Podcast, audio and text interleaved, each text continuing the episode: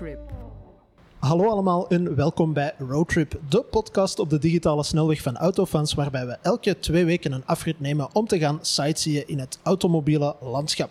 Ik ben Wim van Autofans en bij mij zit de man met wie praten het vertrekpunt van elk gesprek kennen is, maar nooit de eindbestemming. En wie kijkt via YouTube, die ziet helaas ook wat er aan de hand is. Yves Wouters. Hallo, hallo. En we zijn niet alleen, want we verkeren in de aanwezigheid van de brommende bariton van Rumst, de man die bij ons als een goede huisvader waakt over de testplanning, Sven Geiregat. Hoi, hoi. En om het rijtje van vier compleet te maken, eveneens met micro in de hand. En voor zijn tweede optreden in onze podcast al meteen een prominente plek in deze eindejaarsspecial. Onze nieuwe redacteur Joram van Akker. Hallo.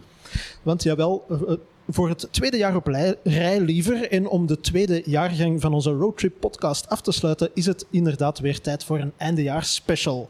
Vorig jaar bevonden we ons in de Collection by Vermand in Mechelen. Dit jaar zitten we in Hartje, Antwerpen, a.k.a. de mooiste stad ter wereld, sorry Joram, in de showroom van een van de opmerkelijkste nieuwkomers van 2021. Maar noem het vooral geen showroom, noem het vooral een club. De Link Co Club in Antwerpen was na Göteborg en Amsterdam de derde club Europa die openging en is dus onze geweldige locatie van vandaag. De plek dus om de Link Co 01 van dichtbij te ontdekken en kennis te maken met hun bijzondere formule. Zij waren vandaag zo gastvrij om hun deuren vanmiddag speciaal voor ons alleen even te openen. Dus een dikke merci aan Link Co. De langste intro, denk ik, in de geschiedenis van deze podcast. Het is wel de bedoeling om het elk jaar langer te maken, Ik, precies. ik Wim? op de deur Ja. voor, het, voor het half uur. We hebben intro, eigenlijk een kwartier al gevuld met jouw gelal. We kunnen stilaan Ja, afsluiten. voilà. Dankjewel voor de show. Zeg maar, Wim, Ja. voordat je al je waarschijnlijk onnoemelijk interessante vragen ik, gaat ik had er stellen. al rekening mee gehouden dat jij na de intro de podcast sowieso weer ging kapen, Yves. Dus eh, Eén. go ahead. Waarom is mij niet medegedeeld dat de kerstspecial niet in kersttenu is? Mhm. En twee, follow-up question. Hoeveel betaalt Link Co je tegenwoordig? Want los van al die plugs voor het nieuwe merk, ehm, Mhm. heb ik laatst nog eens onze YouTube-cijfers bekeken. Ja. En ja, onze evergreen content, hè, de content die het goed blijft doen, of whatever dat je het ook wil noemen. Ehm, er zijn twee uitschieters. Mhm. En dat is één, Yves die doffe koplampen terug helder maakt. en twee, Wim test de Link Co. Serieus? Die video blijft het maand na maand enorm goed doen. Dat is eh, een beetje onverwacht eigenlijk. Nu, ik moet wel zeggen, allee, we komen straks eigenlijk tot het hoofdstuk Link Co, maar ik begin ze ook wel vaker en vaker te zien in het straatbeeld. Ik weet niet of jullie dat al eens opgevallen Ja. ondertussen. Ehm, iemand uit mijn kennissenkring heeft er ook al ene. Dus Ah ja, Het is zelfs al gewoon bij mensen. Het is- het is onder, de, men- het is komt- onder de mensen. het is zoals officieel. corona, het komt altijd wat dichterbij. Dat zoiets van, iedereen kent wel iemand met een link en co. Ja, dat, is- ja, dat wordt zo'n Opel Corsa verhaal. Ja. Zo. Iedereen kent wel iemand in de familie met een Link Co. Oké. Al- Alright, dus tot zover de boodschap van algemeen nut over de Link Co en de, de view rates en Ja? de view rates van de koplampen. Bizar genoeg. Maar tijd misschien om te beginnen even voor de serieuze thema's. Want ja, een eindejaarsspecial. Het is onze tweede eindejaarsspecial en het is ook het tweede jaar dat we een coronajaar afsluiten. Ehm, vorig jaar lagen de productielijnen massaal stil. Ik denk dat dit jaar een beetje de constante was. eh, dat ze opnieuw heel vaak stil lagen, maar dan een beetje door de, de aftershock van corona. Namelijk het tekort aan chips en halfgeleiders. Eh, ja, ik jullie is dat ook opgevallen. Is dat jullie opgevallen bij testauto's ook of zo? Dat jullie dachten van, tja, dit is precies toch iets waar nog niet alle features op zitten die erop zouden moeten zitten? Of... Ja, mij nu persoonlijk nog niet echt. Eh, Mhm. Omdat ik nog niet zoveel zaken getest heb als jullie, maar dus mij niet meteen in de perswagens. Goh, wat, wat aan mij opviel, ik had er vorig jaar precies, mm, moet ik nadenken, hè? in het interbellum, tussen de twee, de twee eh, eerste ehm, ehm, lockdowns door, mochten Ja. wij terug persauto's gaan ophalen die drie, vier maanden stil hadden gestaan. Mhm. En dat heeft hij niet goed gedaan. Ik heb toen een paar auto's aan elkaar gehad van verschillende merken waar wel iets mis mee was. Mhm. En nu zie ik wel af en toe dat wij een auto meekrijgen die ofwel meer banaal gespekt is, Mhm. of waar raarder in elkaar gestoken is. Omdat Ja. ze ook wel zeggen van ja, als wij moeten wachten op de halfgeleider voor het panoramisch dak, eh, dan moeten we nog een paar maanden wachten op de persauto. En dan krijgen het, de gewone man in de straat of vrouw die de wagen koopt, hebben hem dan al. Dus is het nut misschien weg om er iets over te doen. Ja. Maar ik heb het gevoel dat dat best wel... Allee, bij ons zien we dat niet veel last van. Ik merk wel... ehm, kennis van mij moest een nieuwe auto hebben, zakelijk. Mhm. En die heeft hij in augustus samen met mij besteld, want ik ken totaal niks van auto's. Dus ik heb echt letterlijk... Die kwam gewoon naar mij met zijn laptop. Ik moet iets bestellen. Dus ik heb hem maar iets aangevinkt. Ik heb hem echt de meest afschuwelijke specificatie gegeven. Ehm, dat is nu ook niet waar. En dus in augustus samengesteld. En hij heeft vorige week bericht gehad dat zijn auto in juli vol, ja, volgend jaar geleverd wordt. Ja. Ja, dat is ook. We hebben een artikel, denk ik, op de site staan, waar dat je heel veel reacties onder hebt van mensen die, die zeggen dat hij Ja. uitstel heeft en nog eens uitstel en nog eens. En Ja, inderdaad. Ik heb het eh, daar straks nog even opgezocht. En eh, dus tot op heden, we zijn nu midden december, zijn er al 92 reacties opgekomen van mensen die dus effectief Ja. zeggen van eh, ja, wij moeten in totaal negen maanden wachten, we moeten een jaar wachten. Er zijn zelfs uitschieters bij van mensen die eind vorig jaar een nieuwe auto hebben besteld en die ondertussen al begin Ja. 2022 te Het wordt worden ook vaak gewoon uitgesteld. Hè. Je zei nu van, als je nu een auto bestelt, krijg je hem in juli. Maar wat we in die reacties ook lezen, is dat mensen heel vaak denken van hij komt in juli en dan Mhm. wordt het weer een maand later of, Ja. of gaat de datum Ja, het is, het is precies ook een heel complex verhaal. Ehm, voor leasing maakt dat zoveel niet uit. Waarmee dat ik bedoel, dat is pech, maar dan moet uw bedrijf waar je voor werkt maar een vervangauto Ja. voorzien. Mhm. Maar particulier, ik ken iemand die een nieuwe auto besteld heeft van een merk, zelf rijdt met een auto van dat merk. Mhm. Die auto blijft maar uitgesteld worden. Dat gaat heel belachelijk klinken, maar die zijn remmen zijn eigenlijk stilaan op. dan wel niet op. En ja, moet je dan nog naar de garage gaan of een paar honderd Ja. euro? Als particulier, in leasing is allemaal geregeld voor, maar als particulier moet je nog een paar honderd euro gaan uitgeven aan remblokken voor een auto dat misschien binnen een maand vervangen wordt door Ja. een nieuw model.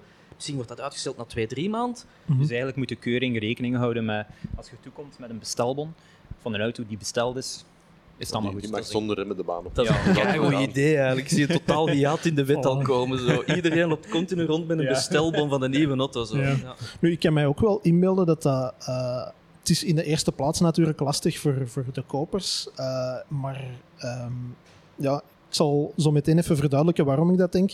Eh, maar dat het ook lastig is voor de garages zelf. Want zij zitten natuurlijk met de, met de klanten die vragen van... Ja. "Ah, Hoe zit het? Eh, heb je nog niks gehoord? Enzovoort. Het voorbeeld in kwestie is mijn eigen zus. Die heeft eh, in de salonperiode vorig jaar een nieuwe auto besteld. Eh, als deel van de gigantische rekensom op het einde van het bestelformulier hun oud- oude auto ook mee ingeruild.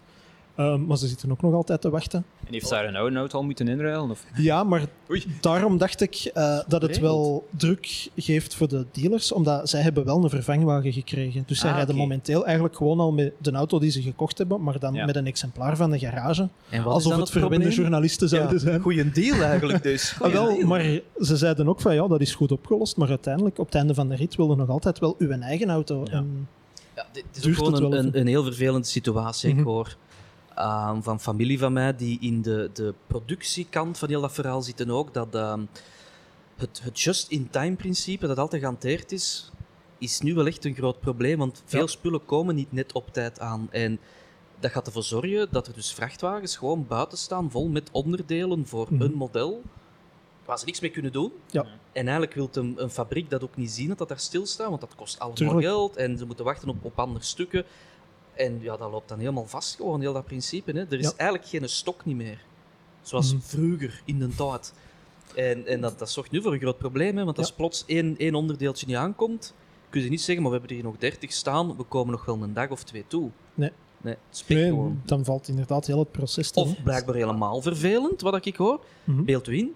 ehm, een vrachtwagen vol met vrachtwagencabines. Mhm.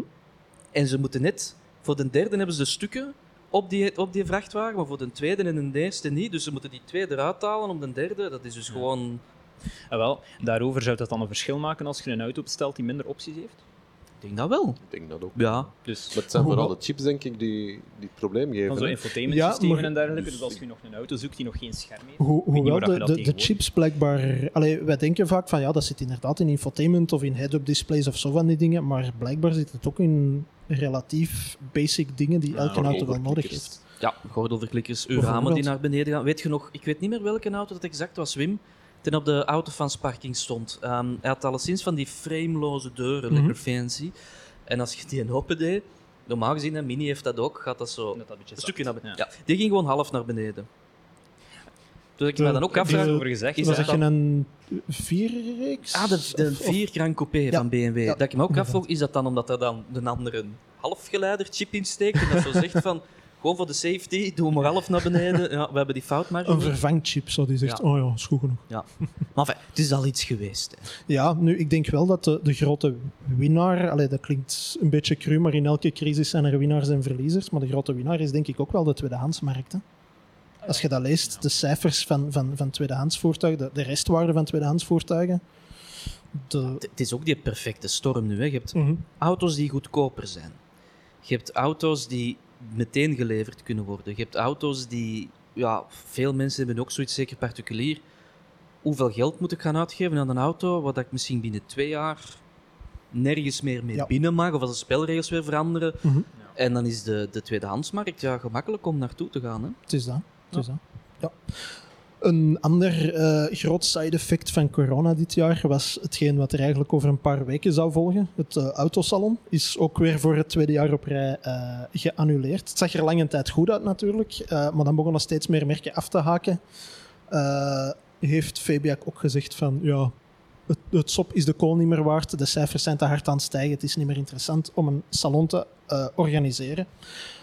Kan een autosalon twee annulaties op rij overleven. Ik hoop het. Dat ik Mhm. toch ene keer een autosalon zo achter de schermen mag meemaken. Want Dus ik kom hier zo puur- net in puur en mijn voor de Joran. helemaal in Dus elkaar. speciaal voor Joram Fabiak, organiseer Ja. volgend jaar dat autosalon. Nu, Er hoeft geen publiek te komen. Als de Joram even gewoon, mag komen even kijken, kennis maken. Maar het gaat wel door, hè? maar niet voor publiek. Het is heel raar hè, wat er nu uiteindelijk gaat gebeuren. Ze gaan Paleis 5 afhuren. Ja. Ze gaan er een skybox bovenop zetten. Mhm. En je kunt binnenkijken in Paleis 5 en daar gaan allemaal auto's staan van alle merken. Mogen mensen langskomen om binnen te kijken? Ja, denk ik. Dat is een beetje als een Sint-Rombout store. Dat je zo naar boven mocht wandelen en dan eens over Mechelen kijken. Dan terug. Ja. En want Mechelen, Ja. de mooiste stad van, van België, hè, Wim? Kijk, op zo'n provocatie dus ga ik niet er- gaat wel iets doorgaan, maar niet in de, de klassieke zin Mhm. zoals het was. Ja. Ehm, Want gaat er nu ook van alles bij de dealers door? Want vorig jaar hadden ze er heel hard op geanticipeerd natuurlijk. Eh, en ze hadden natuurlijk al ruim een half jaar voorbereiding, maar wisten ze ook van, we kunnen... BMW heeft dat in Bornem gedaan. Eh, Ja. Er zijn andere, andere Ja, locaties geweest. om dus veel, dat veel- previews- veel, voorbeeld, veel voorbeelden, Wim. Ja, ja, maar Eén. ik ben naar de, naar de Nissan Aria gaan kijken in, eh, in een studio ergens, die er trouwens nog altijd niet is, de Aria. Ook een gevolg van die chips, denk Ik ik. denk het ook wel, ja. Eh, maar er waren ze wel een hele hoop previews of, of premières die dat je gewoon via de importeur kon gaan zien. Ja.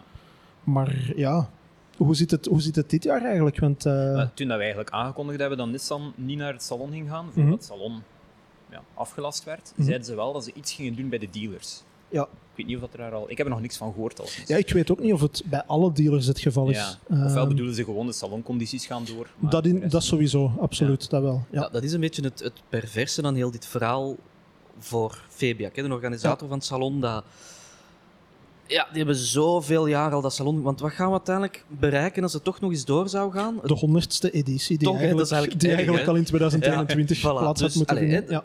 Dat is tamelijk lang. Hè? Ik bedoel, dat is langer dan dat je al leeft, hè, Wim. En dat is Ehm, ook al even.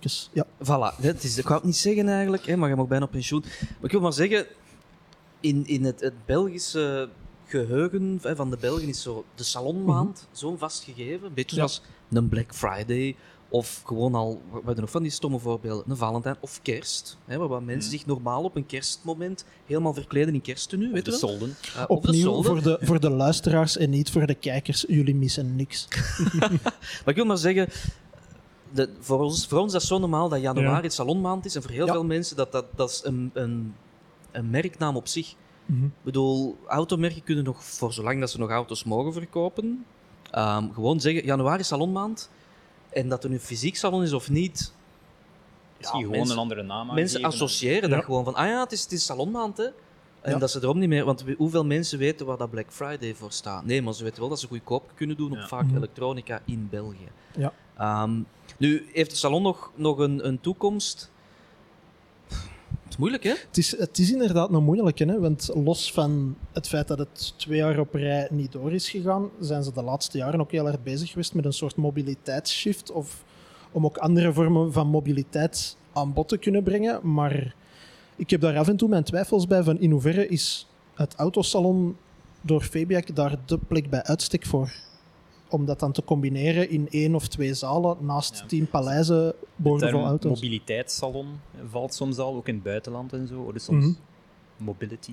ehm, Ja. Ja. dus ja. Ja, maar kan je, dan, kan je dat laten evolueren? Of moet je dan iets helemaal nieuw opstarten daarmee? Ik zou dat niet mis zijn, moest dat niet misvinden, moest dat evolueren eigenlijk. Maar de mensen die naar het autosalon komen voor een auto te kiezen, die, Ja. zijn dat de mensen die Ja. fiets of, of Maar het willen zien nog dat ze echt met de bus kunnen rijden? van de naam is ook autosalon. Hè. Dus Ja. Ja, Heet, het nog mobiliteitssalon. zo? Ik denk dat het Denk anders heet. Wij is noemen de- het nog De, autosalon. de Brussels Brussels- Motor Ja, Show. Ah, ja, ja, ja. Maar ja, als je andere vormen van mobiliteit Enfin, promoot, Voilà, voilà. Motor Show, hè. Mobility Ja, Show. ja. Ja. Mobility, ja, dat kun ah, wel, dan, kan het de- nog altijd De BMS Brussels blijven. Mobility Show. Voilà, is opgelost. Vrijblijvende type. Ja. Woe. ja. Nee, bij mij is wel het ding wat mij opviel, hè, omdat wij het geluk hebben gehad om naar internationale salons te gaan, is Mhm. er is geen salon zoals dat van Brussel, waarmee ik vooral bedoel, waar dat mensen echt auto's willen kopen. Ja, het heeft echt een heel specifieke Ja. positie. Hè? Ga naar, ga, naar, ga naar Parijs, ga naar Frankfurt, of waar is het nu tegenwoordig? München? München, ja. Ga naar ehm, Genève. Die standen staan vol met concepts en van die hyperperformante luxe sedans die eigenlijk Mhm. niemand gaat kopen. Of de mensen... Allee, ja, dat is anders, dat is anders. Maar bij ons staat er echt wel een Micra. En, en zo van, die, van die kleine, een niet 10, maar ook gewoon Mhm. een Audi A4, de typische leasingauto's. Hè, al een BMW, een BMW, een BMW, BMW, hè, want leasingmerk van het jaar. Ehm, en dat is heel raar, want bij andere salons zeiden gewoon dat bijvoorbeeld Nissan Mhm. een hele grote stand heeft. En neem nu Genève. En daar staan twee conceptauto's en dan de facelift nummer 35 van de GTR. Ja. En bij ons staan er echt wel gewoon letterlijk alle modellen van een merk Mhm. in één ruimte samen. Van Ja. Alle merken. Dat is toch vrij uniek. Mhm. En ik denk dat we ook niet mogen vergeten, voor heel veel mensen is dat effectief ook het moment bij uitstek om zo alle nieuwigheden van het afgelopen jaar is allemaal naast Ah, ja. elkaar te kunnen Ja. zien. Hè? Voilà. Of een keer auto's Alles te vergelijken en zo, als Tuurlijk. je twijfelt tussen merken. Zonder dat je daarvoor een steenweg, zo ergens een provinciesteenweg helemaal Ja. moet afgaan. Allee, Want- als je alle twaalf paleizen hebt gedaan, dan Voilà. heb je even goed een Want ik wil de vraag is subtiel tweaken. Mhm. Zou je zelf meer geneigd zijn naar het salon te gaan Mhm. als dat in een nieuwer gebouw zou zijn, met een mooie parking, waar dat je dat wat beter in elkaar steekt. En ik heb soms het gevoel dat de infrastructuur ook een groot struikelblok geworden is voor mensen die dan zeggen van ik moet hier 15 euro inkom betalen en nog eens 10 euro parking, terwijl dat Ja. die parking niet door Febiak gereden, door Mhm. Ja, als- ja, als uitbater. Ja. van, van het autosalon heb je geen oordeel over hoeveel de parking moet Nee. zijn. Dat is gewoon het, het, ja, de heizel die dat Mhm. bepaalt. Ik heb het gevoel dat dat ook bij mensen stilaan begint, zo een, een struikelblok. Of dat dat een struikelblok werd, van het is het veel gebouw geld. zelf is, vind ik wel iets hebben altijd. Maar de parking is ja, dat is zo'n heel... ja, heel imposant gebouw, hè? Ik vind dat Ja. wel, ja, Ja. dat heeft wel iets. Maar de denk dat- parking inderdaad is misschien wel Ik denk dat er veel mensen die aan die parking denken, totdat ze aan de parking Ja. komen en zo... En dachten van, ah ja, juist. En dan buiten moeten rijden en denken, ah ja, 10 euro voor die parking ook nog. Maar Ja. wat is dat hier voor? Ik denk dat 10% van de mensen daar een nieuwe auto moet kopen omdat ze een auto stuk hebben gereden op een parking. Dat is echt een verdienmodel. Ja, Ja, dat is niet houdbaar natuurlijk op termijn. Of, of moet het verhuizen naar Flanders Expo, Joran? In Gent, waarom niet? Meteen, meteen erbij zeggen, in Gent. Het centrum van... Ja, nee, het is niet het centrum Bij- nee, goed geprobeerd. Maar, nee, maar ik snap wat je bedoelt. Wel een hippe stad.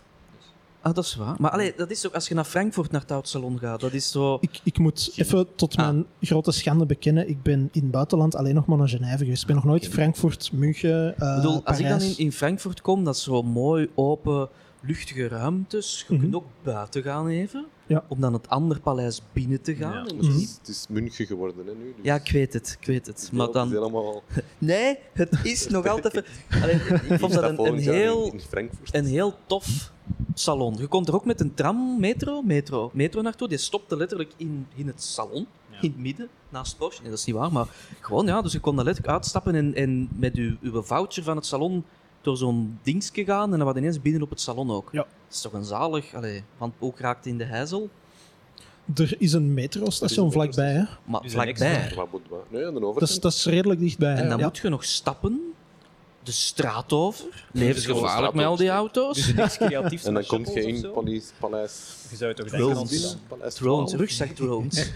ja. ja, als je dan Jetpacks. mobiliteit promoot, zo Enfin, ja. laat, allee, ik vind gewoon, ik hoop het, dat er nog Hmm. één komt. Ja. De honderdste. Dat is toch mooi om mee... Dat zou hè? inderdaad heel, heel mooi zijn. Ja, ik denk voilà. dat ook. Nu, die internationale salons, we hebben die nu ook even aangehaald, maar die hebben het dit jaar ook wel serieus te verduren gekregen opnieuw. Genève is ook niet doorgegaan.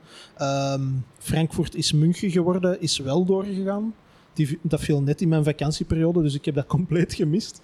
Ehm, maar eh, ja, hoe zit het daarmee? Genève bijvoorbeeld, dat, dat, dat is... Ook al twee keer, denk ik. hè? Ah, wel, dat is inderdaad... In 2020 is dat op de valreep geannuleerd, want dat was zo het grote waarschuwingssignaal van hier gaat precies toch iets serieus gebeuren. Wel. 2021 is niet doorgegaan, 2022 gaat ook niet door, denk ik. Eh, dus ja, hoe zit het daarmee met zoiets? Want zij denken ondertussen al om uit te wijken naar, wat was het, de Verenigde Arabische Emiraten voor een, een vreemde Genève-editie. Was het maar Dubai? Dubai, Dubai Genève, of- ah, Dubai, Dubai of, of- of Genève? Dat- ja. ja, ja, ja, de Emiraten er is alleszins. Ja. Ja. Ja. zijn er vaste klanten waarschijnlijk wel kwijt, maar Of net niet. Want heel veel van die, van die supercar- en hypercar-merken, ah ja. die hebben cliënteel in de oliestaten en, Ja. en die Ja, bij mij bleef exposeren daar Genève gewoon. wel zo'n merk waarbij dat... Dat is, dat is eigenlijk heel absurd, maar net zoals dat je in België iemand hebt en naar een Hyundai-stand gaat en dan zo zegt van ik ben geïnteresseerd in een i20, had je daar echt rijke Russen meestal, die zo naar de, de Pagani-stand liepen en zeggen Ja. I want that Zonda. en dan werd daar echt een gesprek over. Dan gingen die samen eten in de Kempinski, of heette dat daar? Zo het, het dure restaurant, Aan het hotel, aan het water. om dan te bespreken. Hè. En, en, allee, ik heb het ooit... De zien gebeuren of zo. Ja, we, hebben- waren jij daarbij of niet, Sven? ooit het geluk met, Ik met voor de. Lamborghini. Ja. Dat was, Eh. we hadden het, het te geneugd om er ook te mogen eten. Ja. Dat Mhm. is dus gerookte zalm en dat werd in een soort van serke Ja, ja, ja, gebracht. Dan gerookte. Heel mooi. Hè? Ehm, Roof. enfin, hè. onderweg gerookt. Ja, amai. En dan meteen thuis een goed pak friet goed, ja, dat was onderweg gerookt. Ja. Enfin, de tafel naast ons, of wat Mhm. is dat, zo'n cubicle naast ons, ehm, zaten mensen van Lamborghini Mhm. en een rijke... Ik wil Rus zeggen, maar ik weet dat is overkoepelend. Het kan, maar ik denk een Rus. Ehm, ja, voilà. Mhm. En ehm, Oost-Europeaan. Veel geld. er stond toen een nieuwe, of, of een beperkte reeks van een of andere Lamborghini, ehm, of zo, de Sian. Ik weet het niet wat dat is. Op, het is niet de Sian, het is ouder al. Ehm, ja, en, en je zag gewoon ook die mens was dus echt aan het zeggen van, het maakt me niet uit wat het kost. Ik wil hem en ik wil de eerste zijn dat hem heeft. En ondertussen was er ook heel de tijd zo het been en arm. Ik kan er niet aanraken, want dan krijg ik van een HR. Ehm, zeker in dit pak, want de dan gaat de nachtmerries hebben. Ja, dan hij de arm vast en, en been van zo'n waarschijnlijk een hooggeplaatste man Ja. van Lamborghini. En je zag gewoon in de ogen van die Lamborghini-man Angst. leegte. Leegte gewoon. Ah. Die dacht echt van, dit is mijn absoluut dieptepunt van mijn carrière. ja, hier zijn elk jaar opnieuw in Genève voor zo'n een of andere rijke Rus die nou per se heel veel geld wil uitgeven voor een auto en dan heel de avond zit te drinken en mijn arm vasthoudt en in mijn gezicht hangt. Nu, ik, ik ik, denk wel, als er inderdaad zo'n imposante Rus u doordringend aankijkt, een paar keer op uw been klopt en zegt ik wil de eerste zijn, ik denk wel dat je luistert. Hè? Ja. Ja, ja. En ik heb ook ooit meegemaakt in Genève dat, dat Christian von Koningsek of Koningsek er stond. Ehm, en ik, ik had zo alle moed bijeengeraapt om ermee te gaan praten. En ik denk dat we drie zinnen in het gesprek waren. En er kwam ineens, maar echt, ik denk dat hem 2,50 meter was. En in de breedte, idem dito, eh, met een groot Hawaiiaans hemd. Mhm. Een Amerikaan, die dat ook gewoon kwam zeggen, dat was toen de One-One, of hoe heette die zo? Ah ja, ja. Dus De I want that one. 1 pk Maar per kilo, zo... of wat was dat? Ja. Ja. En, en dat gesprek was... Ik had gedaan, want hij had een klant voor Ah, die ja. auto. Die, die was helemaal uit Amerika dan waarschijnlijk naar Genève gekomen om wat te zien wat hij wou hebben. Dat is toch absurd? Van- Want bij mijn weten mag Koenigsegg niet eens in Amerika importeren. Maar Nee? moet genoeg crashtesten ondergaan, toch? Daar, dat weet ik nu niet, om eerlijk te zijn. Dat is, dat is een dacht beetje dat dat opgezocht zou hebben voor de show. dat is buiten mijn segment, zoiets. Dat is buiten mijn, oké. mijn pay grade. Maar dus, eh, internationale salons, ja zeker. Maar Genève niet, want ik, ik heb daar tof avonturen beleefd, maar dat Ja. waren de meest arrogante... Misschien, misschien moeten we dat eens proberen als we een Hyundai gaan kopen op een provinciesteenweg binnenwandelen en zeggen ik wil een die. Het maakt mij niet uit hoeveel dat hem kost. Ik wil de eerste zijn. Ja, maar meneer, dat is al drie jaar in productie. De ik wil de i10, ik eerste. wil hem. Ik wil de eerste. Geef het mij. Ja, met die velgen. Ja, maar dat is van een SUV. Ik wil dat. Wat dat mij kost. Mok En dan maar. zo'n paar keer zo Ja. flink op het been kloppen. En Ja. dan komt een bayon door zo'n mensen die zeggen: Ik wil dat maar hoger. Ja, maar meneer, dat is een perfect goede auto. Ik wil dat maar hoger. En dan, ja. Daar komen we straks toe. Sorry, sorry, sorry. Ik moest er even al uit. De, de Bayon mag eh, straks gerust aan bod komen. We gaan nog heel even op de, de, de serieuze tour op blijven gaan. Eh, want 2021 was ook nog het jaar van grootse elektrische aankondigingen. Van merken vooral. eh, al dan niet met een bepaalde nuance, genre alleen in Europa of tegen 2035 of goh, zoveel mogelijk elektrisch of goh, ja, eigenlijk alleen passagiersvoertuigen. Ehm, die zijn eigenlijk al in 2020 begonnen, eh, sommige van die aankondigingen, maar dit jaar is het echt wel in een stroomversnelling geraakt. Eh, Peugeot was de meest recente, denk ik, die hebben vorige week Eh, nog gezegd. Toyota, denk ik. ah, dat Ik heb kan. sinds deze week. Ah, ja, en Toyota was deze week inderdaad. Ja, de actualiteit, terug, de is actualiteit heeft mij onverbiddelijk ingehaald. Maar ik vind wel een, ja, als ik dat mag zeggen, een, een, Mhm. lepe truc. Eh, want ze gaan in West-Europa volledig elektrisch tegen 2035. Maar dat moet, dacht ik. Nee? Moet Ah niet ja, iedereen voor het, dat doen? Voor het kunnen inschrijven van nog Ja. nieuwe auto's is vanaf België, in België vanaf 2030? Ja, Eh, Moet elke België nieuwe auto elektrisch zijn? Ja, hè? Sneller. 2029. En vanuit een Europees verhaal is 2035. Ja, voilà, dus eigenlijk Ja. hebben ze niet veel keuze, denk ik nee, dan. ja. Ehm, Mhm. Maar ik vond dat wel... Allee, ik, ik stond 's ochtends op en ik dronk mijn koffie. En ik drink nooit koffie, maar goed. En En ik je zag dat dat bericht aan dat jij je nu geschreven had. En dat was letterlijk de naam... Hoe noemt die? Akio Toyota? Ja, zo heet eh, hij. Ja, ja, Akio Toyota. Ja, ja. Met gewoon 50 Ja. auto's achter hem. Maar als ik daar even op mag ingaan, dat is wel stress. Hè. Ik bedoel, er is heel de tijd niet zoveel nieuws.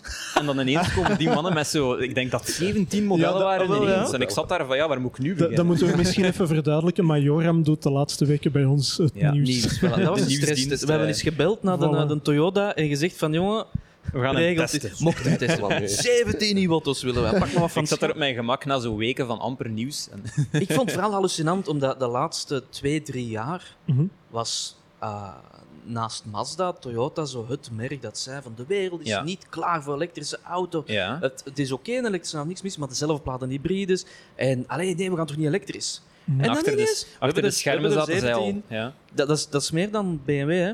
Dat is meer Ja. dan Audi, hè? Dat is meer 17 dan... auto's is ook niet iets dat je van de ene dag op de andere mee Nee, begint. hè? Dus die waren waarschijnlijk al jarenlang bezig met superveel elektrische auto's te maken. En nee, we gaan dat niet doen, we gaan dat niet doen. Maar Die hebben gewoon gezorgd gelogen. nee. dat alle automerken zoiets hadden van, maar ja, als Toyota dat niet doet, gaan wij ook niet mee. Ah, ja. Ja. En dan stiekem achter de scherm. Dat is slimme man. zeg. En dan staat hij daar met zijn armen wijd van... Ik vind, dat, you. open. ik vind dat een topkeer. Als er nu ene man is dat ik ooit wil interviewen, is het wel een Toyota. Ja. Ik vind het een topkerel. Ja, dat is ook een auto van Maar ja, Een auto ja, van. Die, die heeft ook de 24 uur al zelf meegereden. Dat is inderdaad een racer ook. Topkerel. ja, ja. Top. Ja, en die, die wou ook no more boring cars. En dan kregen we plots de Corolla dat op iets trok. En een Supra. En, eh, ja, de Corolla dat op iets trok.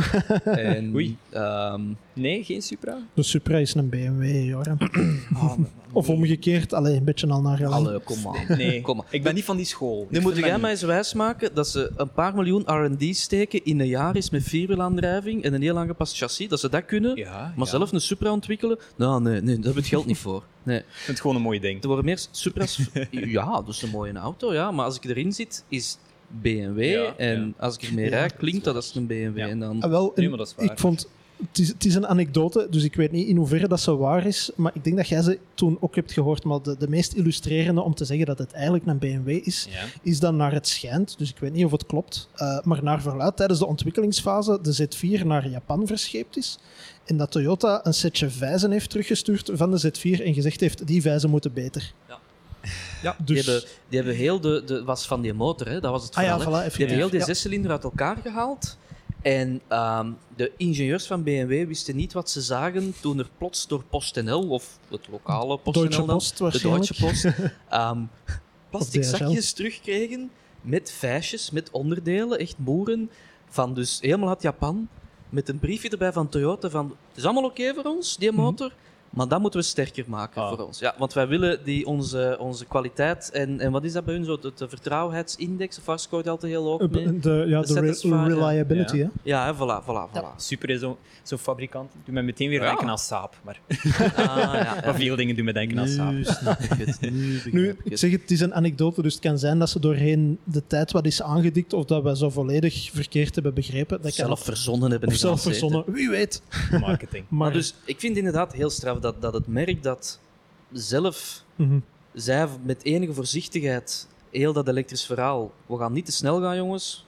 Ja. Plots 11 auto's Ja. of 17 auto's Ja, de komende jaren gaat lanceren. Nu, in, in dat opzicht, eh, want ik heb daar straks eens gekeken naar de lijst van merken die het ondertussen al hebben aangekondigd. Dus al dan niet met kleine lettertjes van in Europa of tegen dat jaar of zoveel mogelijk. Maar ehm, er zitten grote namen bij, zoals Audi is eh, zelfs voor 2030. eh, Ja. Mercedes heeft het ook al gezegd. Maar BMW is een opvallende afwezige, als ik me niet vergis. Ehm, Die er nogthans redelijk vroeg bij waren eigenlijk, Ja. met een i3 en zo. Ja, maar- absoluut. Maar is het verhaal ook niet altijd, zoals je zelf zegt, iets wat Joram genuanceerd, omdat het heel vaak gaat over wij gaan volledig elektrisch in Europa. Ja, het kan, het kan Ford- absoluut Ford zijn is- dat ze Ford doet dat Ford ook zo? Europa. Ja, we Ja, gaan volledig ja, ja, elektrisch tegen 2030 ja. Mhm. in Europa. Volkswagen is ook zo, denk ik. Die zeggen 2030 in Europa en dan zo 2035 de rest. Ja. Maar dat is, Oh, ja. ja. Dan zou dat ook niet beginnen stilvallen om duur, omdat, ja, omdat er al veel geweest zijn, maar ook Mhm. omdat het toch moet tegen 2035. Ah, wel. Dus als iedereen Ja, om duur ja, afkomt, maar we doen het in West-Europa tegen 2035, kun je zo wel niks zeggen eigenlijk. Ah, wel, is dat de, de reden is inderdaad niet omdat ze het licht ineens hebben gezien, hè, maar omdat ja, Europa heeft ze gezegd moeten. 2035, Groot-Brittannië zegt 2030, Ja. eh, Noorwegen zit... Allee, dat is op mondiaal vlak een kleinere markt, maar in, ja, bij ons zijn ze ook al van het idee van we gaan dat toch een beetje sneller proberen Ja. te doen. Ja, Dus, bij ja. mij is de, interessante hamvraag in dat verhaal. Europa is decennia lang een dieselmarkt geweest. En Mhm. allee, je weet dat ook. Als er een nieuwe auto ontwikkeld werd, een mooi voorbeeld daarvan is bijvoorbeeld de Corsa. Mhm. Ehm, die moest toen vanuit GM global ontwikkeld worden dat er 17 verschillende motoren hun plaats konden vinden Ja. in die Corsa. Modulaire. Ja, drie cilinder, situaties. vier cilinders, diesels, benzines, met een grote partikel, kleine, groot turbo, kleine turbo. Ik kan zo nog een uur verder gaan. Ehm, dus er is altijd een heel groot verhaal geweest van als we auto's maken voor een globale markt, dan kunnen we daar een benzinemotor in steken. Voor Europa kan daar wel een diesel in, omdat het concept van een diesel of een benzine vrijwel hetzelfde is als Mhm. in je hebt een motor, hebt een intercooler, je hebt een uitlaatlijn, die uitlaat komt van achter. Ik bedoel, dat is hetzelfde Ja. modulair concept dat je kunt Ja. doordrijven. Met elektrische auto's wordt dat wel moeilijker, omdat een auto dat ontwikkeld is voor een verbrandingsmotor te dragen in zijn koetswerk, is per se niet de beste auto Ja. om een elektromotor tot eigenlijk- daaraan toe, maar vooral die accu's kwijt te kunnen. En ook qua ruimte. Ja. Ik vind dat wel interessant om te zien dat elektrische auto's zo efficiënt zijn qua ruimte. Als je in een elektrische auto zit die relatief klein is, Ja? is dat heel ruimtelijk van binnen, omdat die motoren en, en dergelijke zo dat is weinig echt. plek innemen. Mhm. Dus als je dan... Je kunt altijd een auto herkennen die eh, omgebouwd is, ontwikkeld is voor een verbrandingsmotor en dan elektrisch geworden is, omdat die niet noodzakelijk zo efficiënt is van binnen. Nee, voilà. Ja, ik, Ja. ik heb dat dus heel moeilijk mee als ik de, de fora van de EV's volg. Dat mensen ook bijvoorbeeld zeggen van ja, ik heb toch maar een, eh, een Audi e-tron gekocht of, Ja. of geleased en niet de Q4 e-tron. Mhm. Want die e-tron is een veel grotere auto. En dan denk ik, nee, oké ja, qua voetafdruk Ja. correct. Een Ja. e-tron is een grotere auto in dimensies, maar qua binnenruimte Ja, ja. moet een Q4 helemaal niet onderdoen, omdat die vanaf de, de basis ontwikkeld is om elektrisch te zijn. Dus die, die ruimte is veel groter. Ja. Ik vind dat soms echt lachwekkend. Ja. Dat je in een iWays kunt instappen, van alle merken, Mhm. met meer beenruimte dan in een Mercedes S-klasse. Ja. Dat is iets eh, dat ze mij verteld hebben toen ik eens de ID3 ging ophalen. Dat die eigenlijk de voetafdruk heeft van een Golf en de ruimte van achter van een Passat. Ah ja, Eh, en dat, dat klopt ergens wel. Dat is ook wel. als je daarin zit met zoveel plek rond u. En ik, ik vind dat ook een, een verademing dat dat eigenlijk impliceert dat, volgens de strikte letter, dat ze auto's toch kleiner kunnen maken. Mhm. qua proporties, omdat het de binnenruimte groeit. Ja. Nu, automerken doen tegenovergestelde, maken gewoon nog grotere elektrische auto. Bijvoorbeeld een EQS, mooi Ja. voorbeeld, is groter dan een S-klasse, Mhm. maar heeft door zijn elektrische structuur meer ruimte van binnen dan Ja. een S-klasse. Dus ik heb nog nooit in een S-klasse gestapt en gedacht van, Te klein. Je, zo nog 20 centimeter extra beenruimte, dat ik al helemaal niet meer aan mijn boekje kan als ik dat weg... Er, Nee, maar- er, er zijn er die dat gedacht hebben. En dan kwamen ze met de Maybach op de proppen natuurlijk. hè. Ah, wel, Dus, eh, voilà. Maar dus, het, het is raar. Dat, dat specifieke automerken moeten zelf die, een, die, een, die klik nog maken. En ik denk ook wel dat dat niet het minst is. En ik snap dat ook wel. Als je veel geld uitgeeft aan zo'n premium ehm, EV, mhm. wilde niet dat die kleiner is dan de Q7 van uw buurman. Ja. Ook al is dat van binnen veel ruimer, hè? maar ja. ja. Absoluut. Ehm, nu, eh, ja, een ander gedeelte van elektrificatie is eh, ja, in ons eigen land ook beslissingen van, van de regering. Dat is het laatste zware gedeelte voor we overgaan naar de lichtere onderwerpen trouwens, voor we luisteraars en kijkers Toffe beginnen te verliezen. podcast, toffe podcast. En dan heb je nog speciaal opgekleed, zeg, voor de vrolijke noot. Ehm, dus vanaf 2026 alleen nog eh, bedrijfswagens die fiscaal aftrekbaar zijn als ze geen CO2 meer uitstoten, is een beslissing van afgelopen jaar.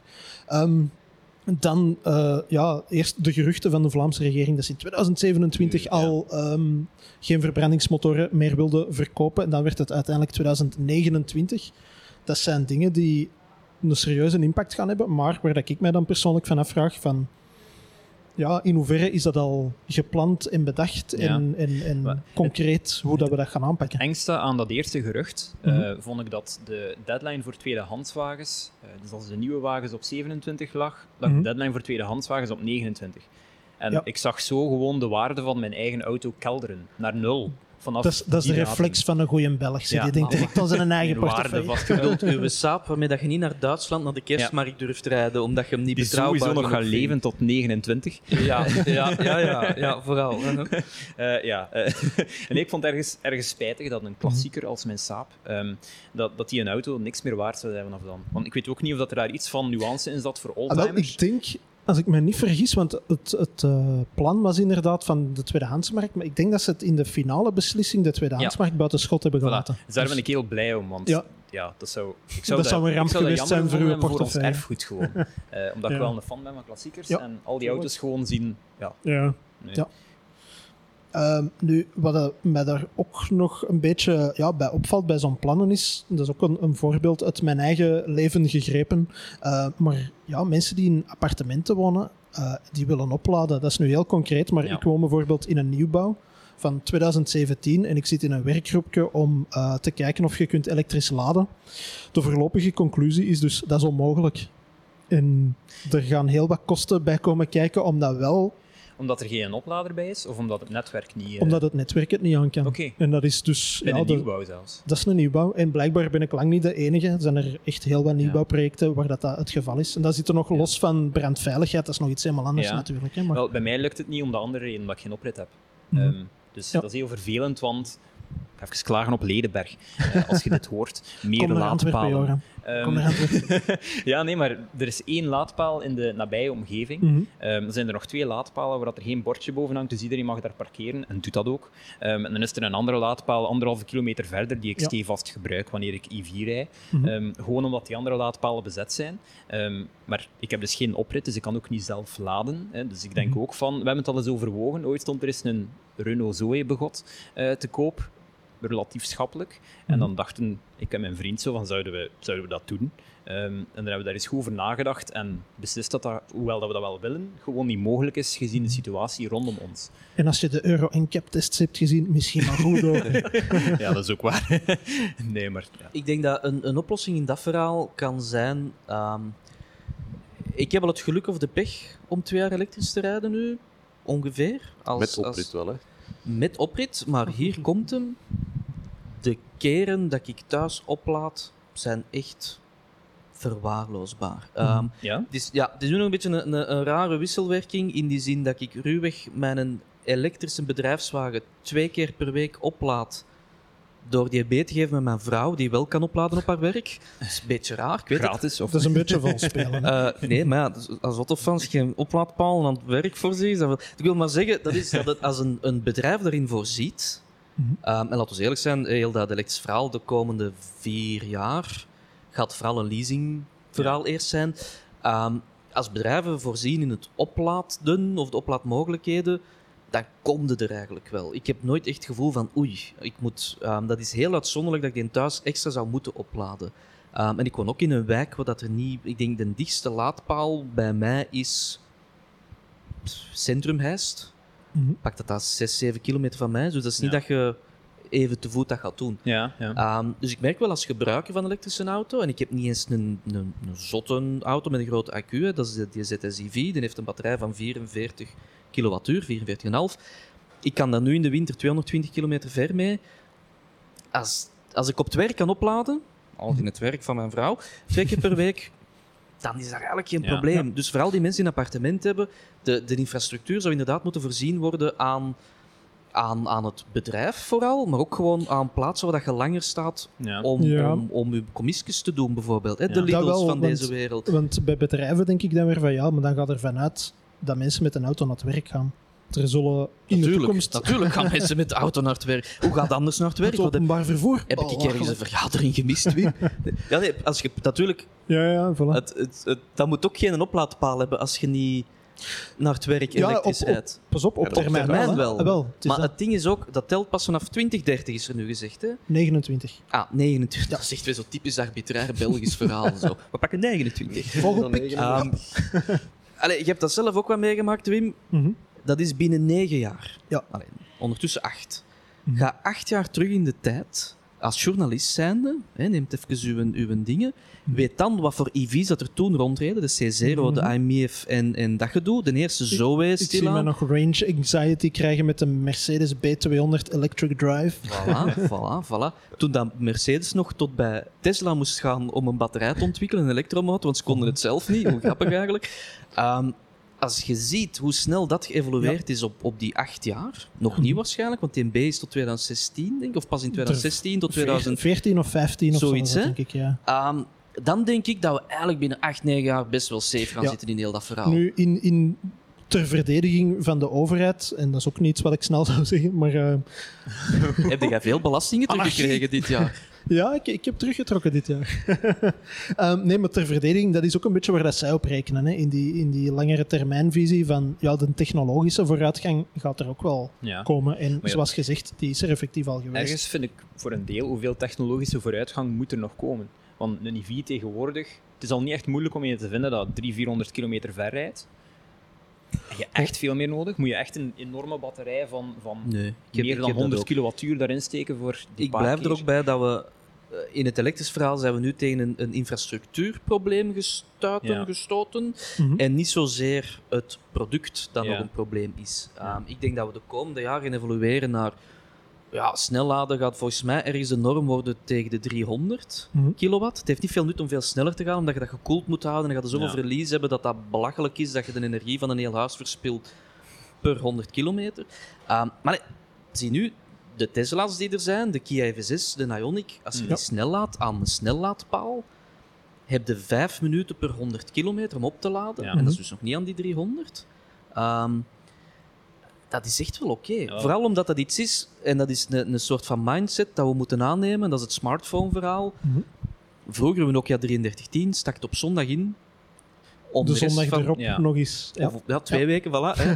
en nu kom je gewoon bij zo'n ABC-verhaal, het Always Be Charging-verhaal. Mhm. Ehm, daarom niet thuis, maar op je werk. Ja.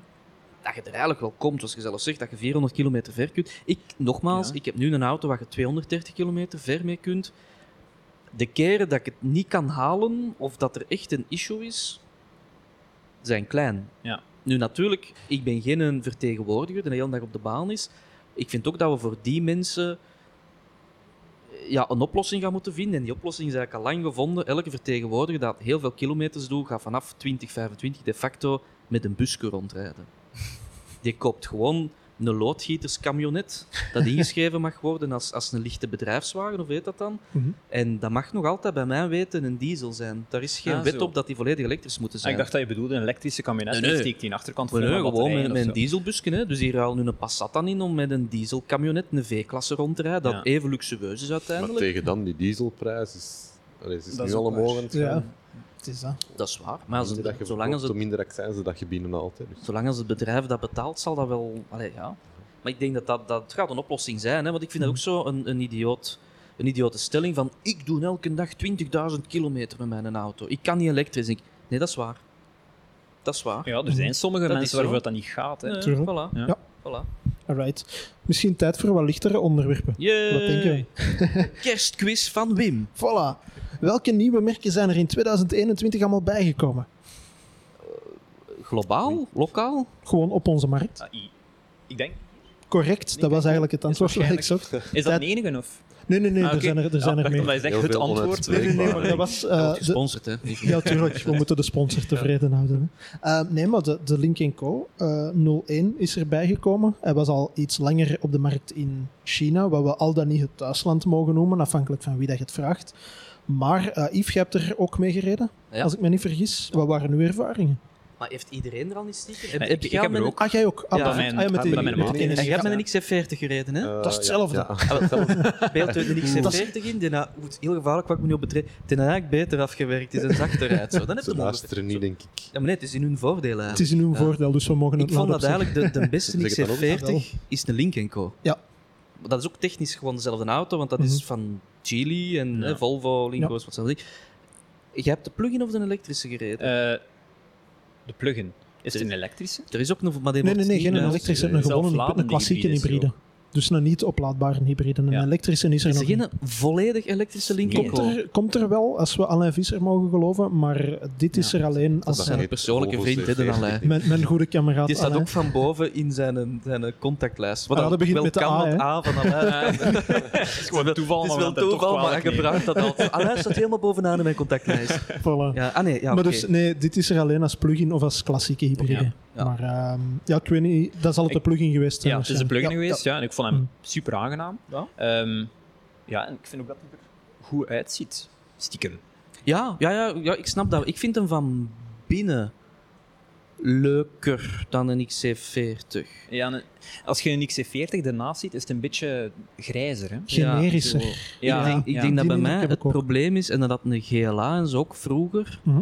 en de A-klasse, als je de grotere modellen kent van sommige merken, hè, dus in, in Volvo vooral de V90's en de Ja. 60's, dat zijn heel mooie materialen. Mhm. En dan de XC40 heeft dat gevoel wat in een kleinere verpakking willen plaatsen. Ja. Maar de materialen zijn dan zo net wat minder. En dan, dan denk ik, maar ja, dan heeft dat bij mij zo een beetje het, het fake effect. Net niet gevoel. Ook al is dat niet slecht, hè, maar Ja. ik weet niet, want ik had dat met u denk ik ook met een. Wat is de kleinste Jaguar crossover? E-Pace? I- E-Pace. ja. E-Pace, hè? Maar wacht, is dat een I met een, als een E geschreven? Nee, nee. Want dan is het de iPace. Die hebben- die hebben per ongeluk, eh, bestaan. Ja, dat hè. Voor een elektrische, en dan konden ze de E niet meer gebruiken voor een Ja, dus de niet-elektrische kleinste cross. Ik, ik had dat ook als ik daarin stapte, was van. Oeh, dat is plastiekerig. En dat is niet erg in een Opel Mokka, Ja. dat trouwens tegenwoordig heel mooi is. Mhm. maar niet in een Jaguar. Ja, ja. En ik heb dat met die Lincoln wel minder. Plus, die had Mhm. ook bij mij zo duotoon. Ehm dat die stoelen zo... Die hebben Blauw- altijd, blauw en zwart. Ah, wel, Ja, kunt en dan denk kiezen, eh, dus- stof. Dat, dat is Als dat ik ja. niet vergis, kun je alleen de koetswerkkleur kiezen. En dan is het Ja, blauw of zwart. inderdaad. Ah. En ook Eh, alle en- opties zijn standaard en zo. Ja. Ja. Alles En dat, ja. Ik vind dat een interessant verhaal. Ik heb, ik heb dat vaak ook. Als alle opties standaard zijn, Zijn het dan zijn nog dat dan opties? of is dat de standaard? Als het een boom uitrust. valt in een bos, als er niemand, maakt dat dan wel... Daar denk ik over na als ik een Ja. autojournalistiek. Maar ja, dus, dus uw plug is al gedaan. Ik vind dat een hele goede auto. Iedereen vindt een goede auto. Dan krijg je zo 50 euro per persoon dat dat zegt. Ik, ik, Maar ik moet nu nog maar 400 euro per maand Je betalen. krijgt zo'n eh, remote pocket eh, Voilà. Of een 3D-geprinte. Ah, ja, dat, voilà. En was iWays ook dit jaar? Eh, ik. je, eh, je hebt er Dit dit jaar mee gereden, sowieso, Is dat- denk ik. Hè? Is dat al jaar al. Ja, ja, ja. Ah, dat ik is er al. mee gereden, ja. Ja. Nu, dat is een beetje een, een, een raar verhaal, omdat iWays is eigenlijk Cardoon die dat Mhm. importeert. En je hebt ehm Jak is hier nu, en BAIC is Mhm. nu hier, en DFSK is nu. En hier. zo, hoe heet dat klein ding dat we nog over gewabbeld hebben? Die? Chengdu. Gen, Gen- Sendu. Sendu. Sendu. Zwat. Natuurlijk, dat, dat ook, dat wordt samen verkocht door een verdeler dat ook Vanderhall verdeelt. Ja. Klopt dat wat ik zeg? Of is dat nog een ander? Dat is Enfin, nog een ander. dat is Dat is nog een een ander, ander. hè? Ja, ik wil ja, maar ja. zeggen, eigenlijk zijn die automerken niet echt hier. Er zijn gewoon lokale garagistjes, of sorry, dat is, dat is heel denigreerd. Lokale garages Autobedrijven. ja. die ehm, tot de vaststelling zijn gekomen van wij, wij zitten hier nu bepaalde grote merken uit te baten. Ja. Mhm. En elk jaar moeten wij, of om de twee jaar, hebben we een totaal nieuwe huisstijl. moeten wij eens een paar miljoen zitten investeren in modellen waarvan dat wij voelen dat die al binnen drie jaar achterhaald Ja. zijn. Mhm. Dus waarom importeren we zelf niet, zoals Chinese EV's? En dat kan op termijn wel lucratief worden. Ja, ik weet niet of die vergelijking helemaal klopt, omdat ik had ook opgeschreven, eh, we zijn naadloos naar de eh, Chinese merken gegaan, maar ehm, veel van die merken die we net hebben opgenoemd, gingen ook normaal gezien in januari op het autosalon staan. En ik denk, als het gewoon een lokale garagist was, die zegt van, ik importeer hier een container met BAIC's of zo, dan wordt het al een stevige investering om dan te zeggen van, we gaan twee weken lang op de IJssel ook staan met al onze merken. Dat is toch, hè? Dat, ging, dat, dat is ook echt, hè? Dat was de, de dealer in geel, One Ja, Automotive. ja, die gingen op het salon staan. die op het salon ging staan, Ja, het is ja, dat, wel, het is dat. Dus oh, denk van, als je zegt van ja, dat is een, een lokaal garagistje. Allee, het is een Ah, lokale nee, het is, het is erom dat ik dat niet wil, niet wil ondermijnen. Wat ik, be Nee, ik bedoel voilà, dat is het een dat, slimme ja. ondernemer. Ja, Maar is dat ook niet hoe dat een importeur werkt? Uiteindelijk, die auto's moeten toch gehomologeerd worden voor Ah ja, Europa? maar dat is het, het interessante. Dat normaal gezien heb je een importeur die overkoepelend garages heeft, al dan Ja. wel of niet zelf. En daar zijn dat garages eigenlijk. ja, zelf- en hier zijn het de garages zelf. Dat zijn geen... Maar ja, technisch gezien worden die dan wel die- importeur. Ja, ik geloof dat die dealer in geel wel andere dealers aan het zoeken is ondertussen. Dus Ja? Mhm. dan Ja. wordt dat inderdaad Ja. een hoofdbedrijf met verschillende... Maar je hebt nog altijd van die privé-importeurs. Ik moet nu denken aan Begerman. Ik weet, eh, dat was, dat Ja. was Mitsubishi en Yes. ook Saab, opnieuw. En Ehm, maar Dieter. ehm, wat is het? Dieteren van de Volkswagen Voilà, dat zijn in principe ook privé soort van bedrijven, denk ik dan. Mhm. Dus Ja. Ja. Misschien worden al die Chinese dingen de nieuwe Dieteren of zo. Dat kan goed. Ja, ja, ja. Als, Ja, ze dat- als hebben de dat plaats al groeit... overgenomen op het autosalon. Dus, eh, Ja, Ja, als dat, als dat groeit, dan gaat dat dat wel worden. Ja. Ik heb wel, allee, we hebben het geluk gehad om die auto's te kunnen rijden tijdens de gezinswagenverkiezing van VAB. Ehm, ik kan nu niet zeggen dat ik geheel overtuigd was, maar ik ga er wel vanuit dat gezien hoe snel dat, dat evolueert bij de Chinezen, Mhm. van kwaliteit, van technologische vooruitgang. Eh, Ik, bij mij waren dat, ik heb dat toen ook gezegd, hè, dat waren precies Hyundai's van 15 jaar geleden. Ja. Wat aan zich niks mis mee is, maar we zijn zelf al 15 jaar verder. Dus, ja, ja. Maar ik ga er wel vanuit dat de Chinezen geen 15 jaar nodig gaan hebben om de moderne auto te bouwen, wat dat we van nu zeggen, wauw. ja. Wat dat trouwens al bewezen wordt met MG. Ik bedoel, mijn ja, hoofdsponsor. Ehm, geleden jij per keer dat je dat zegt? Ja, ik, ik, heb, ik heb er een, maar degene waar ik het minste ver mee kunt. Dus ik heb een slechte deal afgesproken dan eigenlijk. Maar goed, ik moet er elke maand VA op betalen. Ehm, En je kunt hem niet eens thuis opladen, zeg. nee, en het is een blauwe. Niet dat dat uitmaakt, maar goed. Ehm, maar dus als je kijkt naar MG, ja, Mhm. dat is wel een deftige auto. Ik heb Ja. niet het gevoel dat ik daarin stap en dacht van, wat is dit voor Chinese braggel? En, en ook qua rijbereik, zeker met die update dat hij nu gekregen heeft, met denk ik 70 kilowattuur batterij, is dat direct een heel competitief ding Maar geworden. ja, Ja. voor die prijs, Ja, dat dat is absurd. En, en dat het is... ziet er ook niet afschuwelijk uit. Nee, ik vind dat... Want eigenlijk is dat wel komiek. Ik ben altijd de grote tegenstander van de B-crossovers. Mhm. En Ja. mijn eigen leasingauto is een B-crossover. Ehm, ik vind dat geen mooie auto. Ik heb daar emotioneel niets mee. Ja, want het is niet afschuwelijk. Nee, en ik, het is ook wel inderdaad... Het is zo, weet je wat dat- dat is? Voor mij een beetje een allemansvriend. Mhm. Niemand heeft daar... Een probleem mee. Ja. Ja. Ja, en niemand denkt van... Dat is een goedkoop, een budgetauto, maar niemand denkt ook van, amai, dat is hier de grote spender. Want soms zie je die grill vooraan en denken mensen wel van, wat is dat merk? Amai, dat is... En dan rijdt hij voorbij en dan zie je zo die mini-velletjes eronder en denk je, oei nee, dat proportie is waar raar, dat zal toch iets goedkoper. Dus ja, ja. niemand kan er kwaad op Die zijn. wieltjes doen het en veel hè, bij die Chinese auto's. Ook bij die Kunnen ze. Jak. Kunnen ze niet. ook zo van die. Ja. Ja. Ik weet dat, dat met de lancering van de CLA, de Shooting Brake, de nieuwe, Mhm. toen was Ja. de, de Pro Seat GT er al van Kia. En zo tijdens de presentatie hè, vroeg dat, dat ook aan die mannen van, wat vinden daar nu zelf van? Want allee, eigenlijk hebben ze u gewoon gekopieerd. Hè. Ik bedoel, allee, hetzelfde concept. Ja. En die mannen ook, ja, maar je moet echt naar die surfacing zien en de zijkant. Die wielen, nee, die wielbogen zijn niet goed getekend. Die zitten er wat in. En zelfs met de grootste velgenmaten zit- komt dat niet goed over. Ja. En bij onze CLA natuurlijk wel. Ehm, en dan gaat inderdaad nu... Ik kan niet meer naar de ProSeed GT kijken. Zonder naar de wielbogen. Zonder daarnaar te kijken. Dat Ja. heet toch de ProSeed GT, hè, die, Ja, die ja. stationwagen? hè? Ja. Ja. Ik kan er echt niet meer naar kijken, naar die flank, zonder zoiets te hebben van... Ah ja, spijtig van die, Ja. van die, van die verhouding. Maar zeker de, de CLA ook. Zeker de eerste generatie. Als je die niet met grote velgen hebt, dan verzuipen die velgen gewoon in, in Ja, Ja. Ja, gelijk. hè. zeker. Maar als je het nu hebt over een auto dat voor China gemaakt is, dan, dan, dan zijn we wel bij de eerste generatie CLA goed. Uh, enfin, Alright. Ehm, misschien moeten we eh, in plaats van de nieuwe merken ook eens kijken naar de nieuwe auto's van 2021. Wat waren voor jullie wat de verrassingen van het jaar, de, memo- de memorabele auto's van het jaar, de dingen waar jullie mee hebben gereden, waarvan dat je dacht, dat was nu eens een goede auto? Of misschien zelfs dingen die objectief gezien niet geen een uitschieter waren, maar die echt wel goed zijn meegevallen. Ik vind eh, de Toyota Yaris in al zijn vormen. Mhm. Niet dat ik met de GR gereden heb, wat ik wel eens wil doen. Ehm, Mhm. Maar de gewone Yaris is een auto dat je niks kunt tegen hebben, vind ik. Allee, die, die hybride versie toch. Ik Ja. heb die hybride versie getest en ik vond dat zo'n zo'n goede auto. Mhm. Eigenlijk ook op de snelweg. Comfortabel, eh, voldoende vermogen.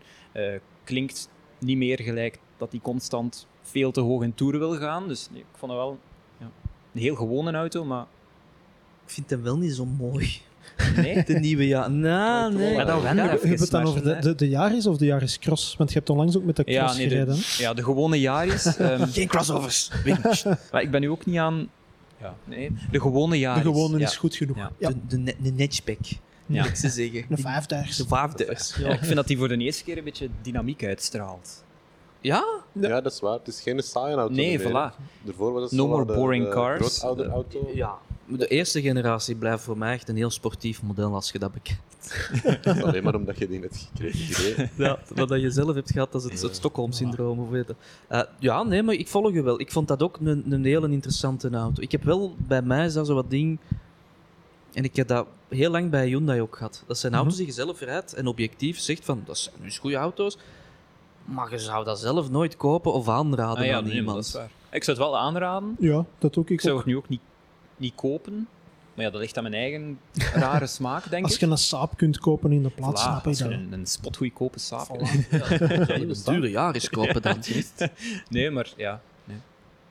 Het is wel een goede auto. De Yaris. Wat, wat heb jij gehad, Sven, dit jaar? Of dat je denkt, verrassing? Een eh, Fiat 500e. Ik heb Ai. me er heel goed mee We blijven zo bij de kleine auto's. Oei, Dat, dat komt bij mij subiet bij de teleurstellingen. Ah, nee, ik, Maar ik kan, ik kan er- het nu al aanhalen. Dan is, maar dat is, Ja. Wat waren er voor u de, de, de positieve aspecten? Ik vond dat een, een heel fijn auto ook. En, en hij kost redelijk wat. Mhm. Ehm, hij gaat in de 30.000 euro, denk ik. Voor. Ja, je hebt, dan, je hebt een basisversie, maar dat is dan met kleinere batterij die wel een stuk goedkoper is. Ah, ja. Ja, 500, ja, hè. maar ik denk de versie ja, dat wij mee hebben gehad, was, Dat was, was zo de- de, ja. de topversie. En dat ging tegen de gewone 38.000 versie. Ja, euro, ja. denk ik. Dus eh, dat dan weer wel. Maar het, het, het, het amusement zat er wel nog in. En dat was lang geleden dat ik nog me geamuseerd heb met, met zo, ja, een elektrische auto, waar ik dat plezier mee heb. Ja. ja, voor mij was het daar ehm, waarschijnlijk omdat ik, ik weet niet meer welke dat het was, maar daarvoor kwam ik uit een elektrische en ik, ik raakte maar niet gewoon aan de rem van de 500e. Zo dat regeneratief remmen en het feit dat het rempedaal, er was altijd iets bij waarbij dat als je je gas losliet, dat je afremde en dan ineens losliet en zo precies nog eens afremde. En Mm. dat je daar nooit controle over kreeg. Dat wel. Dat zo heel hard moest zoeken naar hoe moet ik mijn rempedaal nu Dat is bedienen. wel vaker En- bij hybrides en bij ja, maar bij eh, de, deze was het echt opvallend. Ja. Moeten wij zo van die sokken kopen waar daar rechts gas en links rem op staat of zo? Ja, wel, als ik met mijn linkervoet zo op die rem aan het duwen was, hè, dat, dat ging niet. Maar dat is gewoon een calibratieprobleempje dus. Ah, wel, ik hoop dat het eruit gaat ook, Ja. maar voor de rest, ja, het, het had zowel de charme van de vorige generatie ook wel. Maar om, e- om de een of andere reden raakte ik, ja, was dat voor mij een hele grote dealbreaker. We zijn hier Ah. redelijk groot geworden ook.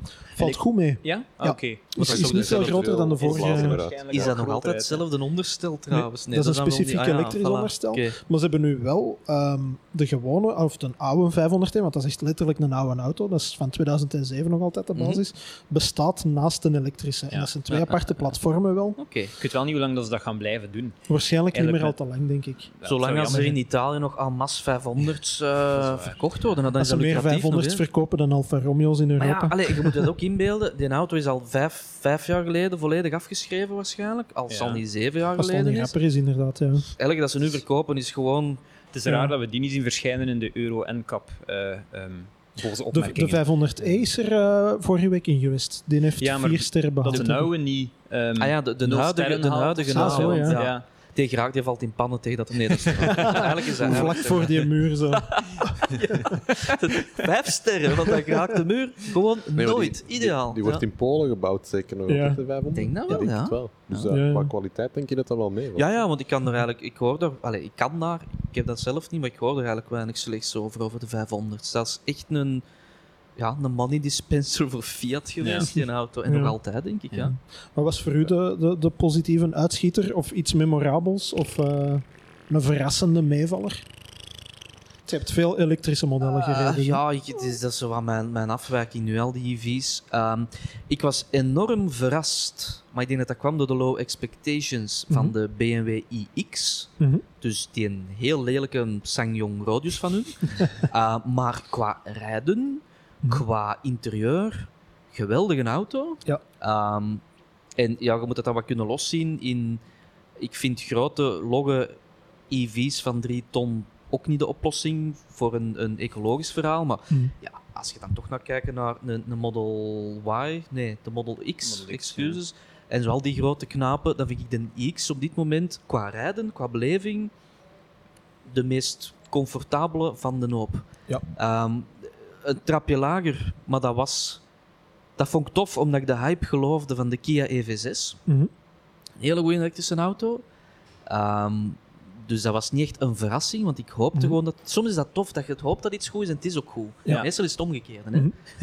Ehm, en pff, eerlijk gezegd, voor de rest van het jaar heb ik weinig auto's gehad die, die voor mij memorabel waren. Ik vond Ja. dat wel erg, want als ik daarover nadenk, heb ik best wel wat gereden van one-timers. Zoals een, een 911 GT3. Ik vond dat nu geen memo... Dat is erg dat je dat zegt, maar ik vond dat nu geen memorabele auto. Weer wat kijkers minder. Ik denk dat dat ook is... Daarom heeft Yves de Zotskap op vandaag. Dat, dat is wel zo'n auto waarvan dat je zoiets hebt van believe the hype. Mhm. En als je die bereid denkt, ja, dit is gewoon goed.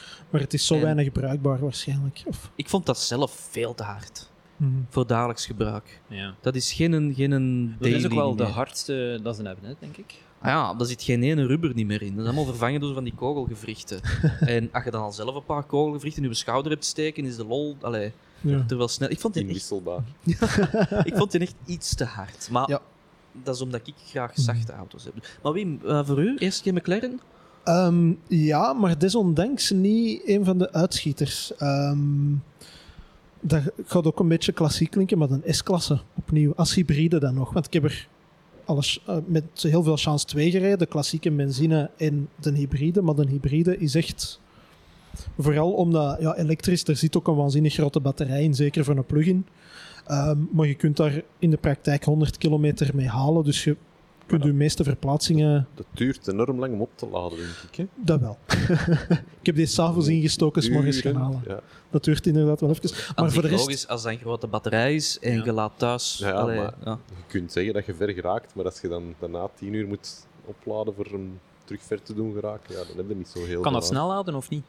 Zoiets. Snelladen niet, denk ik. Want met zo'n enorme batterij. Een, een DC-dingen denk ik niet dat Aan daar... 50 of zo. Ik wil het kwijt zijn. Dat durf ik nu niet... eh, Was dat geen 20 kilowattuur batter- batterij of zo? Het was Ehm, een stuk in de 20 ja, alleszins. wat dat dan eigenlijk- ja. Even groot is als de eerste batterij van de Renault Zoe. Ja, inderdaad. Ja. Dat is, die zijn stiekem ook gewoon hergebruikt van de Zoe. Ze zeggen dat niet bij Mercedes, maar dat Geen stiekem... Tesla Als die op het einde van hun meer. huurtermijn waren. Nee, nu hebben ze dat niet meer nodig, Tesla. Nu kunnen ze het zelf. Nu kunnen ze zelf al Nee, maar wandelen. eh, vooral de combinatie tussen echt gewoon de stilte en zo. het zengevoel van elektrisch rijden en het zengevoel van een S-klasse. Dat was zo van, ja. En ik heb niet met een EQS gereden, dus ik weet niet in hoeverre dat, dat dan vergelijkbaar gaat zijn. Yves, Maar vertel het ons. Ik Dat vrees een beetje voor de teleurstelling. Ah. Ga verder. Wel, ik Oei. vrees een beetje voor de EQS. Ik durf daar eigenlijk niet meer rijden. In de Ah. zin dat ik heb schrik dat het vergeleken met een S-klasse een beetje gaat tegenvallen. Ehm, maar daar kwam het wel even mooi samen. En een beetje een verrassing. Niet zozeer als in waanzinnig goed, maar beter dan ik gedacht had. De Audi Q4 e-tron. In die zin dat het gewoon de beste e-tron is die ze hebben. En ze hebben er momenteel drie. Ehm, in volgorde van niet zo heel erg goed naar effectief goed. En ook omdat ik dacht van ja, dat is gewoon de ID4 van Audi of de ENIAC van Audi, maar op de een of andere manier was dat heel aangenaam om mee te rijden. En niet Dus de al... beste van het trio Volkswagen, Skoda, Audi. Dan denk ik dat een ENIAC nog altijd een Ah, beste ja, is, ja, dat ja, wel. ja. maar de Maar- Audi is denk ik nummer twee. Ja. Ja, ik snap Dus, dat ook wel, omdat dat is ook weer zo de low expectations verhaal. Ja. Hoe slecht ja. Audi, hoe slecht de eerste e-tron was. En dat is ondertussen ook al niet meer helemaal waar, want hij heeft een hele hoop de updates gehad achter de updates schermen. Ja, ja, absoluut. Ja, dan hebben ze zoiets van, ah, ze zijn hier weer met hun volgende. En dan rijden we en denk van, ah ja. Ja. Ja. Natuurlijk, Ja. het verschil is ook dat een e-tron door Audi in-house ontwikkeld was. Terwijl dat de Q4 e-tron ja, een, een gedeeltelijke, Ja. gedeeltelijke Ja. ontwikkeling was met Volkswagen en Skoda. Ja, ja, ja. Dus allee, laat ons gewoon eerlijk zijn, daar steekt volgens mij veel meer budget achter. ja. Mhm. Ergens is het ook logisch dat de Skoda dan de beste aanvoelt, omdat je misschien het minste verwacht van de Skoda. Dus als de Audi even goed is... Wa- Omdat de prijs het laagste is, toch? En ik vind het ook qua afwerking... Afhankelijk en van de uitvoering, want soms liggen ze hoger dan die van Volkswagen of zo. Het is vooral de afwerking en, Ja. en het feit Ja. dat je eigenlijk ehm, een hele traditionele Skoda krijgt, maar wel met een hypermoderne basis. Ja. En, en tegenover ja, Volkswagen is resoluut voor dat modernistische, postmoderne gegaan, zo alles minimaal mogelijk. Ja, ja. En dat is een hele grote shock geweest, denk ik, voor veel klassiekere Volkswagen-klanten. Maar bij Skoda hebben ze dat beter aangevoeld, volgens Oké. mij. Zeg, en, de, de Doe Nu eens even normaal award. Gewoon een Dacia eh, Sandero, Sandero, of wat gaan we pakken? Want we zijn helemaal bezig over S-klasses. Ja. Ja, ja, de jaar is. De- ja, de jaren, dat is waar. Nee. De Hyundai. Eve, die moest nog eens ter sprake Mm. komen. je, je hebt het echt gehouden, joh. Heb- een- heeft er iemand een gewone auto voor het gewone volk gereden? Want dan dacht van, ja, Ah, die Opel Mokka dat ik gereden heb. Ik weet dat een B-segment crossover maar dat is. een kei mooie auto. Maar ik wel. vond dat een hele fijne auto om mee te rijden ook. Ik heb hem in benzine gereden. Ik geloof dat jij de elektrische gereden hebt. Ja, de Mokka E. Benzine is iets betaalbaarder. Ja, Maar- logisch. Ja. Ja. Maar wel aangenaam om mee te rijden. En, en fijn Ah, ja. om in te zitten. En, en de G- GT-lijn, ik wil het kwijt zijn. Met zo'n rood streepje in uw, in uw Ah, ja. Ah Ik vond dat... ik vind dat een hele mooie Ja, auto. Ja, dat is wel absoluut. waar. Als je dat voorbij ziet rijden, denk ik, dat is een, nu zegt een gesculptuurd, gesculptureerd, oh, te moeilijke woorden voor mij. Um, Gebeeldhouwd. Een, een mooi beeldgehouden kunstwerkje. Ja. En dat vind ik dat wel grappig. Die Zo nieuwe neus van Opel is wel Ja. ja. iets anders. Ja, de het ja. enige wat, wat ik daarbij wil zeggen, ehm, koop hem niet in het zwart. Want dan Nee. is die neus. Ah ja, het effect is dan de een beetje weg. alles. Ja. Dus dan- Ik, eh, ik moet zeggen, de Opel Astra, we hebben er nog niet mee gereden, maar hij is wel al voorgesteld dit jaar. Ik vind dat een mooie auto. Ja. Ook mooi, hè? Zeker de Ja. brek. Ja. Toen dat Amai. we de, de brek hebben eh, gezien. Volgens mij heb ik eh, op het werk zelfs gezegd, de Opel Astra Break kan mij krijgen. Ja, dat hebben we in die woorden gezegd, Heel inderdaad. Ja. Voilà. En je dacht dat aan uw vaderschap lag, maar mij kan het eigenlijk ook krijgen. Dus. Zo zie je maar. Moet jij iets op? Ik vond, ik vond wel... ehm, ik vind dat grappig aan, heel dat, aan dat GM-verhaal. Dat is dus letterlijk... Dat hebben de designers van de Corsa... De huidige Corsa ook al gezegd. En die had nog niet de visor, want dat was te snel in dat ontwikkelingsproces. Dus die auto was klaar. De Corsa onder GM. En dan Mhm. plots kreeg je die nieuwe stiefouders Opel. De PSA-groep, Peugeot. Ja. En die kregen dus een heel nieuw platform. En blijkbaar, de mythe gaat... De ingenieurs hebben het mij gezegd, maar goed... ehm, dat die dus naar de opperhoofden moesten van PSA. En dat hun eerste vraag was: hoeveel motoren moeten er kunnen passen in die auto? En dat PSA ook gewoon zei van. Een driecilinder? Ja, ja, oké, maar hè, van, van meerdere groottes. Ja. Nee, nee, gewoon een driecilinder. En dus die overhangen, blijkbaar, er is dus, maar Opel wil dat nu nog niet vrijgeven of whatever. Er is dus een, een huidige generatie Corsa onder GM, Ja. dat dus nooit gezien is. En dan de huidige dat je nu kunt kopen door met PSA-platform. Wat een geldverspilling eigenlijk. Eigenlijk wel, hè. En Opel zegt dus ook, de designers zeggen ook, dat scheelde 17 centimeter aan overhang vooraan. Ja. En ik denk dat dat ook hetgeen is dat nu Opels mooi maakt. Mhm. Die, die zijn serieus, die De overgangen zijn proporties veel zijn- kort. Die proporties zitten veel beter. En misschien ook iets minder doet ondersturen als je een bocht pakt. Ja, dat ook wel. Ze rijden het. Maar puur om naar te zien, als je de oude Mokka en de nieuwe Mokka naast elkaar zet, Ja, denk ik ook ja. wel van... Dat is ha, Ja. dat geen echt verschil, hè. Dat is een heel Ja. andere doelgroep dat je aanspreekt. Ja, ja 100 procent. Nu, over, over aanspreken ook. ehm, de Audi e-tron GT, die platte vijfdeursdingen. Mhm. Ehm, als ik die gereden heb, het is lang geleden dat er nog mensen op de snelweg bijna gestopt zijn om foto's te trekken van de auto. Ja, ja. Maar was dat met de was dat Model ook geen 3 ook felrode? Dat was de felrode Ja. wel, maar dan nog Ja. snelwagentjes die mij voorbij reden Ja. en dan plots vertraagden om dan, als ik er terug voorbij ging, snel een filmpje te maken als Ja. ik accelereerde. En, Wel, ik heb dat in Ja. een tijd met de Model 3 ook gehad, dat ik mij afvroeg, waarom volgt die mens mij? Eh, en dan ben ik zo'n straat ingereden waar dan niemand in moet, om echt te zien van, volgt hij mij nu? En dat was een doodlopende straat en op de straat heb ik gekeerd en ik passeerde en die mens was echt zo bij me aan het opsteken en doen. ja, Eh, ja, op, het 3 gevaarlijke af zelfs, dat er een auto voor mij, allee, dat ik iemand nader en dat ik er voorbij wil en dat ik moet denken van die naast mij hangt er nog Ah, ja. altijd. te veel En aan dan het kijk je naar links van wat gebeurt er en dan zit hij zo zijn hand op te steken naar u. Ja, maar ga weg. hè, Mooi, hè, mooi. Ik heb onderweg ook naar hier dat mensen keken en foto's namen. Geen idee waarom eigenlijk, maar ja, ik kan er niet aan de luisteraars hebben er ook het raden naar. Ja, de kijkers voilà, hebben een ja. flauw vermoeden. Maar dat is wel interessant. Na, naadlo- ah, ja, nee, zeg maar, zeg maar. Wel, maar dat zijn allebei elektrische auto's, die Model 3 en die, een- en die een Audi. Mhm. En dat is eigenlijk wel interessant, omdat veel mensen zeggen van elektrisch is niks voor mij. Maar er is toch zo'n hype rond Ja. als er een nieuw elektrisch model uitkomt. Dus Terecht, het, ja. het doet wel iets. Hè. Het is er ook wel, ik vind het een hele mooie auto. ook. Een, een- De Audi of de... Audi Ja. RS e-tron GT. Hoe, hoe zeg je dat? Ja, Er, Enfin, er is ja, e-tron. Ben- letters ja. ben doorgaans, zo, ben doorgaans niet de eerste mens om superveel complimenten te geven over hoe dat Audi zijn vormgeving doet. Maar dat Mhm. vind ik nu wel eens een heel mooie Audi. Een heel is strakke auto. En ik denk als ze dat model kleiner maken, dat er heel veel mensen in de leasing gaan, Ja. dat gaan kopen. een A2 bedoel dus. Ja, De, de RS A2 e-tron. Ja, oude, ja, Ja, helemaal teken mee. ik, zit helemaal mee. Ik, zit- ik voel het al. Ik voel helemaal mee. Nu, eh, teleurstellingen van het jaar, waren die er? Ehm, dingen die eh, misschien waar je niet noodzakelijk mee gereden hebt, maar waar wel wat kritiek op is gekomen. Ik denk bijvoorbeeld, hadden het net over de Model 3, maar de Model Y heeft opnieuw weer wat afwerkingsproblemen of kritiek op zijn afwerking gekregen. Eh, we hadden het er net over de Fiat 500e. Zijn er dingen die jullie hebben teleurgesteld waar je al dan niet mee hebt gereden of waar je misschien meer van had verwacht? Misschien is dat al outdated, maar ik heb in 2021 voor de eerste keer met de ID3 gereden. Ehm, dat was niet mijn ding. En Ja. ik denk ook niet het ding van veel mensen die, van wie Volkswagen wel hun ding is. Mhm. Eh, dat zijn Ja, dat is hetgeen wat ik zodanig... net bedoelde met dat traditionele dingen waar dat ze ineens Ja, wel- voilà. Maar ook het design is, is... Ik denk dat ik het omschreven heb als een blob. Dat is gewoon... Dat heeft geen features precies, die een Mhm. auto. Ehm, en het interieur is dan zo moeilijk te bedienen Ja. Dat ik niet denk dat heel veel golfkopers gaan zeggen van ik ga nu een keer in een ID3 stappen voor de rest van Mhm. mijn leven. Ja. Ehm, maar ja, misschien is dat eerder een klacht op info- infotainment en, en ergonomie eh, over het algemeen, hoe dat, dat evolueert in moderne auto's. Want dat is altijd zo die elephant in the room tegenwoordig als je een auto reviewt.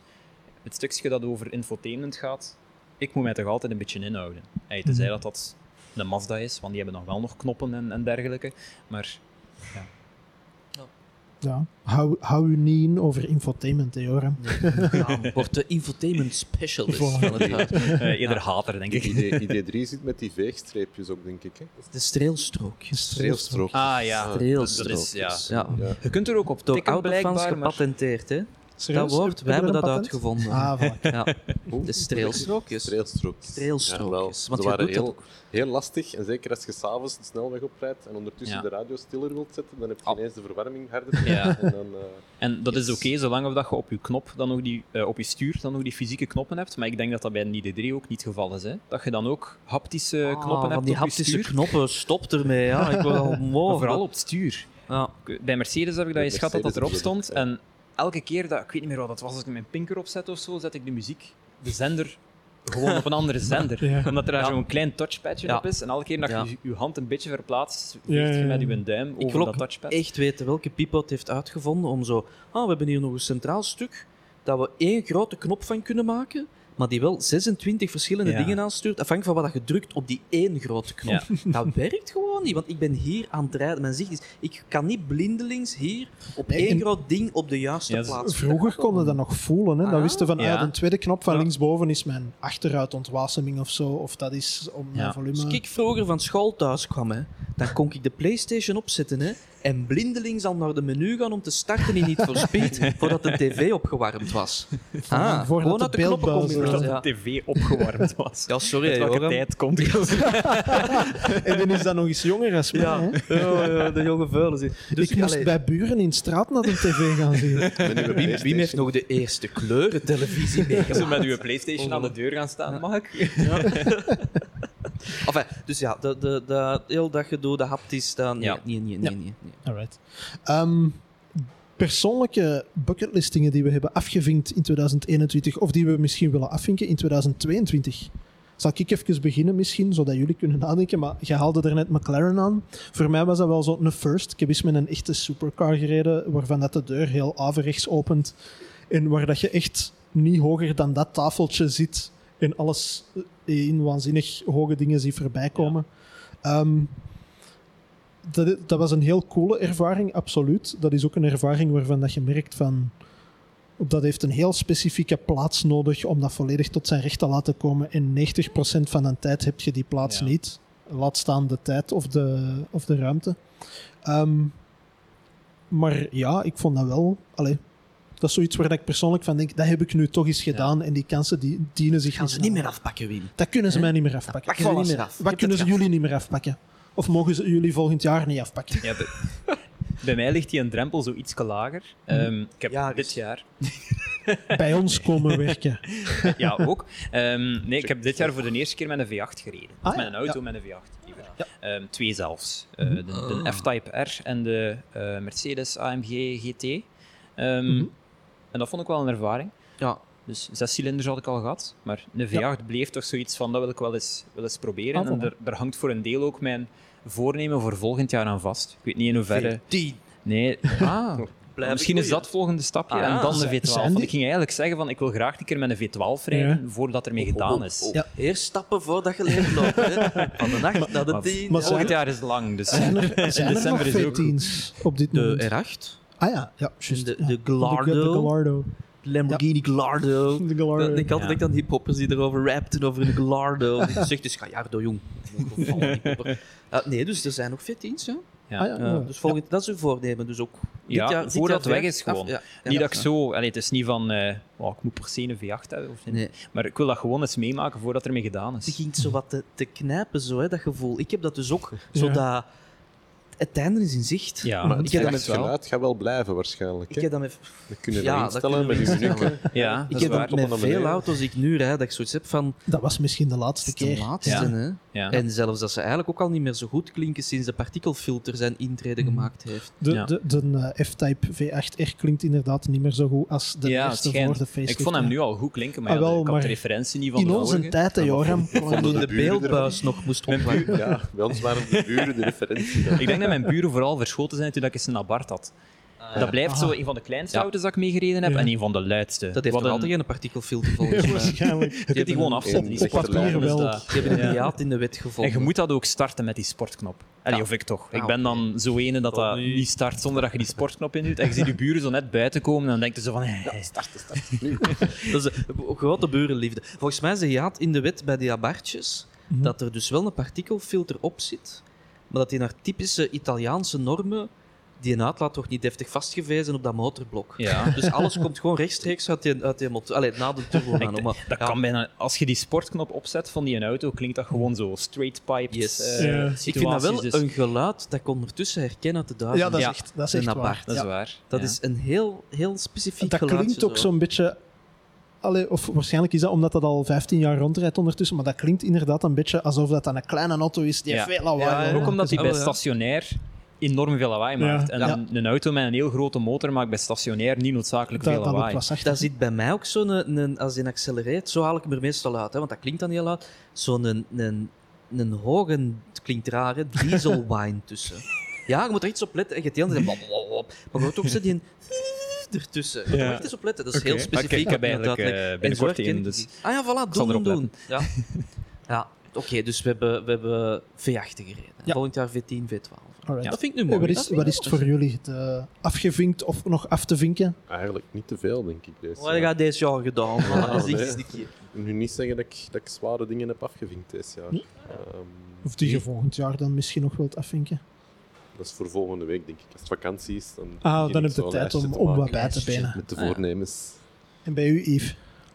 Ehm, er komen veel scheetjes uit mijn mond vandaag. ik heb denk ik ehm, dit jaar op eh, persoonlijk vlak veel afgevinkt. Als in mijn, mijn tuinhuis is goed uitgekuist. Ehm, Op autovlak. ja, voilà. Hè, maar dat was, dat was niet. En op autovlak denk ik dat dit jaar er niets al te geks afgevinkt is. Mhm. Maar ik wil volgend jaar iets dat ik dit jaar ook al wou, iets dat ik het jaar ervoor ook al wou, iets dat ik het jaar daarvoor ook al echt wou, Mhm. mijn racelicentie eindelijk eens halen. Ja. Ik wil dat eigenlijk al Ik wil eigenlijk wel meer. Is dat duur? Is dat moeilijk? Is dat... We Ja, maar hebben, we regelen dat wel. er, zijn eens vage plannen geweest om daar een heel coole videoreeks over te Voilà, maken. en ik wil dat echt in de videoreeks. En ik weet nu dat Sam de Jonge, shout-out naar de Sam. De Sam zal Ah, ongetwijfeld Sam, aan het kijken Sam, zijn. wacht, even mooi zitten. Sam, als je nu luistert. Ehm, die heeft zijn eigen raceschool nu opgericht. Serieus? Of, Ah, dat wist ik ja, of niet. instructeurschool, Sam. Ja. Hè? Neem dus contact op, Voilà. dan weet wat het juist is. Belt eens. Ja, belt een keer. Ik kan dat niet met mijn linkerhand trouwens. dus ik zou heel dat graag mijn voornemen voor 2022 is dat Sam de Jonge van mij een racepiloot maakt. Met licentie. Ah, voilà. En ik wil eigenlijk eens heel graag gaan... ehm, hoe noemt dat? Autocrossen. Maar echt zo'n... Zo in de modder zo. In, in, Maar met zo'n... Niet het gij. Zo'n aftanse Zuid- vlot. West- Met alle West- kadetjes. 500 euro. Ah, ja, Waarvan dat de rolkooi zo'n houten balk is. Ja, we zijn er ooit eens gewoon uit interesse naar gaan kijken. Ah, wel ja. Omdat we zo dachten van, zou dat iets voor ons zijn? Ik wil En dat heel graag eens gaan doen. Nu dat nog kan. Met onze Seat dan? Of uh, ziet je dat dan? Mijn, mijn voornemen voor volgend jaar is dus inderdaad met race-georiënteerde dingen doen. Omdat Ah, dat eigenlijk heel lang een passie is overdreven, maar hey, het is wel geweest dat mij Een, een geïntrigeerd heeft. fascinatie is geweest. Ja. Uh, maar het is er nooit van gekomen om de een of andere duistere reden. Dus volgend jaar wordt het jaar. Net zoals ik dat Vorig jaar zei Ook altijd heb gezegd. Ja. Alright. Ja. Sven, als jij ondertussen Nee, nog steeds door naar aan u. nadenkt... Volgend Ah, jaar? Ook niet, blijkbaar. Sven is volledig Nee. content. Ja, ik kamperen. Ja, ja, dat wel, maar dat Is zijn dingen op persoonlijk vlak. Is een dus, keer een V8 rijden of zo? Dat hebben we wel gereden, hè. Ook een V12. Ik was aan het denken. Alright. ehm, Ah, ja, Nee. wacht. oh, Ja, oh, ik oh. was aan het denken ja, dat ik ja, mijn- ja, ja, ja. de Dacia Duster nog niet gereden had, maar ik denk dat ik hem wel al gereden Dat is een man heb, van het volk gebleven, hè, de Sven. Ik heb nog nooit met een Dacia Duster gereden. ook. Nee? Komt hem halen. Ik denk dat ik hem daarom heb vastgelegd, maar ik kan me herinneren dat we ooit eens een duo-test hebben gedaan en dat ik er dan wel heb meegereden. Dus, eh, Ik heb er nog nooit mee gereden. Ik ook niet. Voilà. Nee. Echt een Er zeldzaamheid, zijn echt altijd van die auto's die Een je... racelicentie met een Dacia Duster. Ja. ja. We stellen dat uit naar het jaar daarna. Maar... Ja, ja. 2029. Zoiets. ja, het laatste jaar dat we het nog mogen. Zo. Als we nog mogen, alles wat ik kan. Alright, dan is het eh, tijd voor de belangrijkste slotvraag van de eindejaarspodcast. Wat is voor jullie persoonlijk de auto van het jaar? We hebben dat moeten voorbereiden, zeker. Heeft iemand dat gedaan? Eh, Ja, Ik, nee, ik heb dat heeft zijn- met de vraag Voilà. van wat, wat was uw beste auto van het jaar, dus dat gaat weer een Yaris zijn. Ah, wel, ja, maar dat kan, hè. Maar, ehm, maar Maar- ik vond een Defender ook wel leuk. Mhm. Op zijn eigen manier. Eigenlijk niet echt op een Defender manier, maar het is een beetje heruitgevonden, vind ik zo. Het is niet meer dat werkpaard van vroeger, maar ik vind het wel opnieuw een heel charmante Ja. auto geworden. Maar om nu te zeggen dat dat een auto van het jaar is, Ja, ik vind dat daar wat dubbel eigenlijk. Want we Dat is ook van 2020, denk ik. ik Maar ben daar Ja, week mee Kom altijd een beetje achter. trouwens. Ehm, en, en parking zoeken in de stad is niet zo'n goed ding, want dat ding is twee meter breed. maar al die camera's. pff. Ja, ja, maar ik heb daar niet zoveel Defender. ervaringen mee met die camera's, maar dat gaan we zo laten. Dat verhaal. Met, met de oude Defender was dat ook niet echt een auto voor de stad, hè? Nee, nee, nee, dat is waar. Dat is waar. Maar ehm, hij heeft me wel... allee, dit weekend zijn we een op en afje naar Frankrijk gegaan en hij heeft me wel door de sneeuw getrokken op de Ja, snelweg. Dus ja. eh, dat was wel een aangenaam ding. Dat is waar. As he does. Op zijn Defenders. voilà. Ja. Dus Defender, ook Defender. Ja, ja. Gaan we dat besluiten? De auto van, auto van het jaar Nee, zijn nee, van nee, twee dat jaar mag, dat geleden. mag, dat een persoonlijk zijn, hè? Of heb jij nog een andere? Nee, wel, er is er geen die echt helemaal eruit springt bij mij. Ik had dan de Fiat 500, en, eh, Ja. maar dat durf ik al niet meer. Dat is oké. En een Opel Mokka, maar die springen er niet zo ver uit dat ik zou zeggen, ja, dat is nu de, Ja. de auto voor mij. Heb je dat gekozen? Ja, Je hebt uw auto al gekozen? opnieuw. Nee, Ja. Maar een Wim zei, het mag iets persoonlijks zijn. Ja, zeker en vast. Ehm, mag het ook een resto-mod zijn? Waarom niet? Als, Want het, ik denk je een dat goed jij er- argument hebt. Ik denk dat jij er ook mee gereden hebt met die een eh, Opel Manta, Manta GSE. GSE. Eh, Ja. en ik vond dat zo'n toffe ervaring. Ehm, en dat leek mij ook zo de redding van de manuele, eh, manuele versnellingsbak. Want dat is een elektrische auto en zonder die versnellingsbak zou dat ding niet half zo leuk zijn. Maar je hoort die versnellingsbak huilen naarmate dat je in een hogere of lagere versnelling zit. Ja. Eh, ik vond dat een heel toffe ervaring. Dus Ah, ja. Misschien is dat voor mij wel zo de ontdekking van het jaar. Ja, wel. Van. Defender naar Manta. een manta. Dus, ja. Ik heb een heel gevarieerde garage. Dat is vond mooi. het- En de Yaris, dat kwam er ook zo nog tussen. Ja, de, ja, dat vind ik mooi. Ik vond het vooral tof dat ze bij de, bij de testrit van de Manta, dat ze dan voor ons hadden voorzien, effectief iemand uit Rüsselsheim hebben gehaald, een veertiger met lang haar, Ja. en dat ze die dan ook zo een pit hebben opgezet. Ja, dat was een super ja, cool maar het school echt niet veel. Ja, heb je er ook een tijd mee gepraat? Ik heb, Ja, ik heb Toen- dat nog eens geprobeerd. ik heb het mijn eigen zo moeilijk gemaakt om heel die drinken in tijd te praten man? met die mensen. Yves, auto van het jaar, voordat jij Ehm, iets gaat drinken. ehm, ja, ik, ik, ik zit altijd in Het is dat, in dat elektro-verhalen. Ja, Ja, nee, nee, maar het is oké, want ik, Vorig jaar was zit het iets met een verbranding. Ah, wel, ja, ik weet het. Ik het dan niet. Ik blijf in dat elektrische verhaal zitten. Voor mij blijft een auto van het jaar, net zoals het jaar daarvoor, en het jaar daarvoor, en het jaar daarvoor, de Tesla Model 3. Omdat dat de enige elektrische auto is waar dat je... Het is eigenlijk de infrastructuur. Het is niet Ja. een auto zich. En ook gewoon de week... infrastructuur van het jaar. infrastructuur van het jaar is Ja. Tesla. Ehm, maar als het dan toch dit jaar moet zijn, de Kia EV6. Mhm. En ja, je moet dan ook de, de Ioniq erbij zetten. Maar ik vind zo, de Ioniq is voor mij wat de Volkswagen Caddy is voor de... ehm, hoe noemt dat nu weer? Dat, dat ander, dat, dat golfcoupéke? De welk? Ja, ja, dat gaat toch zo de Volkswagen... Sirocco. De Sirocco. Ja. De, voor mij is de Kia EV6 een Sirocco. ja. En de, de Ioniq 5 is de Caddy. Hetzelfde onderstel, ja. dezelfde fundamenten, Mhm. maar Je vindt dat niet mooi, of? los daarvan... Ruim, gewoon, ruim de, de Ioniq 5 is ruim, gigantisch ruim, ja. Ah, op die manier, ja. Laat ons op die manier Ja. houden, ja. En het ziet er wat uit. Nee, en allee, hè, heel ruim. En ik, ik vind zo de EV6 neemt datzelfde recept, maar doet er echt iets totaal anders mee. Ja. Daarom Caddy. En ik kon, ik kon heel goed Golf Plus zeggen, hè, maar ik vind Ja, Caddy nee, nog oh, iets nee. extra, omdat volgens mij de Ioniq 5 even ruim als een Caddy. Ja. Dat is absurd. Ah, wel. volgende Dat duo, dat duo, maar dan liever de EV6 voor mij. Ehm, Mhm. En echt, echt auto, auto van het jaar, niet elektrisch. De Hyundai... Nee. Ehm, Had je mij iets Ah, niet elektrisch gereden dit jaar? De Bayon, ja, we gingen die nog vermelden. En ik heb nu ook niet echt meteen iets gehad dat mij extreem intrigeerde. Ehm, dus ik denk dat ik het ga houden dat voor mij de auto van het jaar de EV6 is. Ah, wel. Dan, En, want ik kan nooit zwijgen. Voor mij, om, hij is er gewoon nog niet. Maar de auto waar ik wel extreem naar uitkijk. En ja, maar dan moeten we wagen voor volgend jaar dan. Niet, ja, het zou de MG Mensen een jaar in ZS spanning laten EV facelift zijn. Oké, ik dacht dat je de Mercedes SL ging zeggen, want dat is iets dat ik wel enorm naar uitkijk. Maar... Mm, Dat Nee? deed mij niet echt iets. Oké. Of de Toyota Ik Yaris. krijg het dan niet warm van aan mijn nederregionen, zo van die auto. Mm, ja, nee, nee. Goed, Ah, wel. Wim, wat heb jij Ah, een wel, auto van het ik, jaar? ik, ehm, Niet in een SL, hè? nee, ik ga waarschijnlijk eh, op het eind van de week of begin volgende week uw eh, antwoord kunnen complementeren door de Ioniq 5 te zeggen, want daar ben ik nu mee aan het rijden. En ik denk inderdaad ook die basis, de manier waarop dat je ermee kunt snelladen, dat werkt allemaal voortreffelijk. Ik heb het ook wel voor dat retro design. Er zijn heel veel elektrische modellen die nu terugkomen, allee, of retro designs die Ja. nu terugkomen als elektrische versie. Renault is er ook mee bezig met die R5 van Weleer. Ehm, Mini heeft dat 20 jaar geleden gedaan, Fiat heeft dat opgepikt en dan is dat heel lang stilgebleven tot, ik heb hem nog niet vernoemd, ik heb een uur lang ingehouden, tot een Honda E. Ik vind zelf dat er nog geen Subaru gevallen is, maar goed.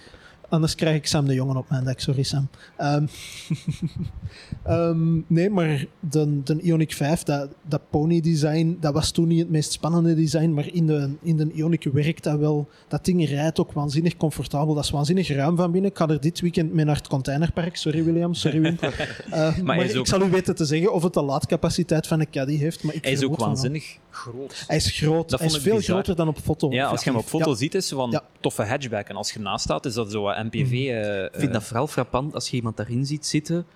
Dat, omdat in je hoofd heb je dat zo geleerd dat dat op foto's precies een, een, een golf leek, Ja. een Volkswagen Golf van Mhm. grootte. En er gaat een mens voorbij en zijn kopje is zo groot. en dan gaan we niet van, oh, maar wacht, dit klopt toch niet? Verkeerd getekend. Ja, ja dat is echt. Maar is dat die dan ook zo breed? Vraag Ah, dat valt redelijk Ah, mee. Dat valt Het redelijk is niet onhandelbaar eh, in Nee, nee, nee, Ja. nee, op Het is zich, geen een eh, Hummer. Daar kijk ik wel naar uit trouwens. Welk? De Hummer? Maar die, die gaat hier nooit... eh, De elektrische versie denk ik niet dat je er gaat geraken, want die mocht zijn, dan niet rijden zonder die zijn basisgewicht is hoger dan, dan 3,5 ton, blijkbaar. Dus. En dan misschien nog als ding waar ik voor volgend jaar naar uitkijk, is de GR86. Echt? Ja, ik ben daar echt benieuwd naar. Omdat we, we hadden het er straks over de Supra en over hoe dat, dat eigenlijk een BMW Z4 is. Maar de GR86 is echt nog een Toyota. Ja. Subaru, ja. Ik mag het niet luid op zeggen, maar... Maar is de motor niet? Ja, het is een boxermotor. Ja, dat, is, dus... dat is eigenlijk gewoon een Subaru. Ja, maar zelfs de vorige, daar zeiden ze altijd van, van die had eigenlijk te weinig vermogen, maar ik vond dat niet. Ik ook vond niet. Dat, Dat is, dat dat- is misschien, misschien raar, ehm, maar dat is tot op vandaag de leukste auto dat ik ooit mee gereden heb. dat, dat was Een, echt eh, een Subaru BRZ. auto. Ja. En allee, los van die V8'en dat ik ook Mhm. mee gereden heb, niets heeft die Ja. puurheid van die BRZ of die eh, 86. Zo. Dat gaan we bewaren voor volgend jaar. Nee, zeg maar. de laatste, en dan moet Ja, afsluiten. ja, nu dat je. V8 zei, is even bij mij zo een, een muntje gevallen. Dat ik dit jaar wel gereden heb. De Lexus LC500 Ah ja, juist. Convertible. Ja, ja, ja. Dat was nu echt voor mij de auto van het jaar. Ik vond dat een... Ik heb de coupé gereden een jaar of drie geleden. Dat een heel anachronistische auto. Dat was zo jaren Dat is 80. een moeilijk woord, en- maar Ja. ik denk dat ik weet wat je bedoelt. Ja, zo wat niet in zijn Speciaal. tijdsgeest passend. Helemaal Allee, als dat de juiste betekenis is van Ja, Ik heb, eh, anachronistisch. ik heb met de hybride gereden Ja. en ik vond dat vooral gek dat dat eigenlijk een auto is die dezelfde prijs heeft als een, een Porsche 911. Mhm. Maar iedereen kijkt daarnaar alsof dat je met iets van een half miljoen aan het rijden bent. Ja. Ja. Want dat design Alsof is dat het gek. een, eh, een LFA is of zo. Ja. ja, ja. Ja. En terecht, hij is super mooi. Ja, Ja, ja, gewoon ook die V8 is ondertussen al 13 jaar oud, dezelfde Mhm. V8. En dat is door Ja. Yamaha ontwikkeld, dat is gewoon een... Dat is, dat is- ja. De LC500, Ah, als het dan nog, Val- toch met verbrandingsmotor moet zijn. Alright. Voilà. Lexus, mooie dingen om op, op te eindigen, denk ik dan. Hè? Om deze anderhalf uur durende eindejaarsconferentie. Alright, dus dit was Roadtrip voor deze week en voor 2021. Bedankt voor het kijken, bedankt voor het luisteren. Volgend jaar zijn wij er opnieuw met een volledig nieuwe jaargang Roadtrip. Dus fijne feesten en tot volgend jaar.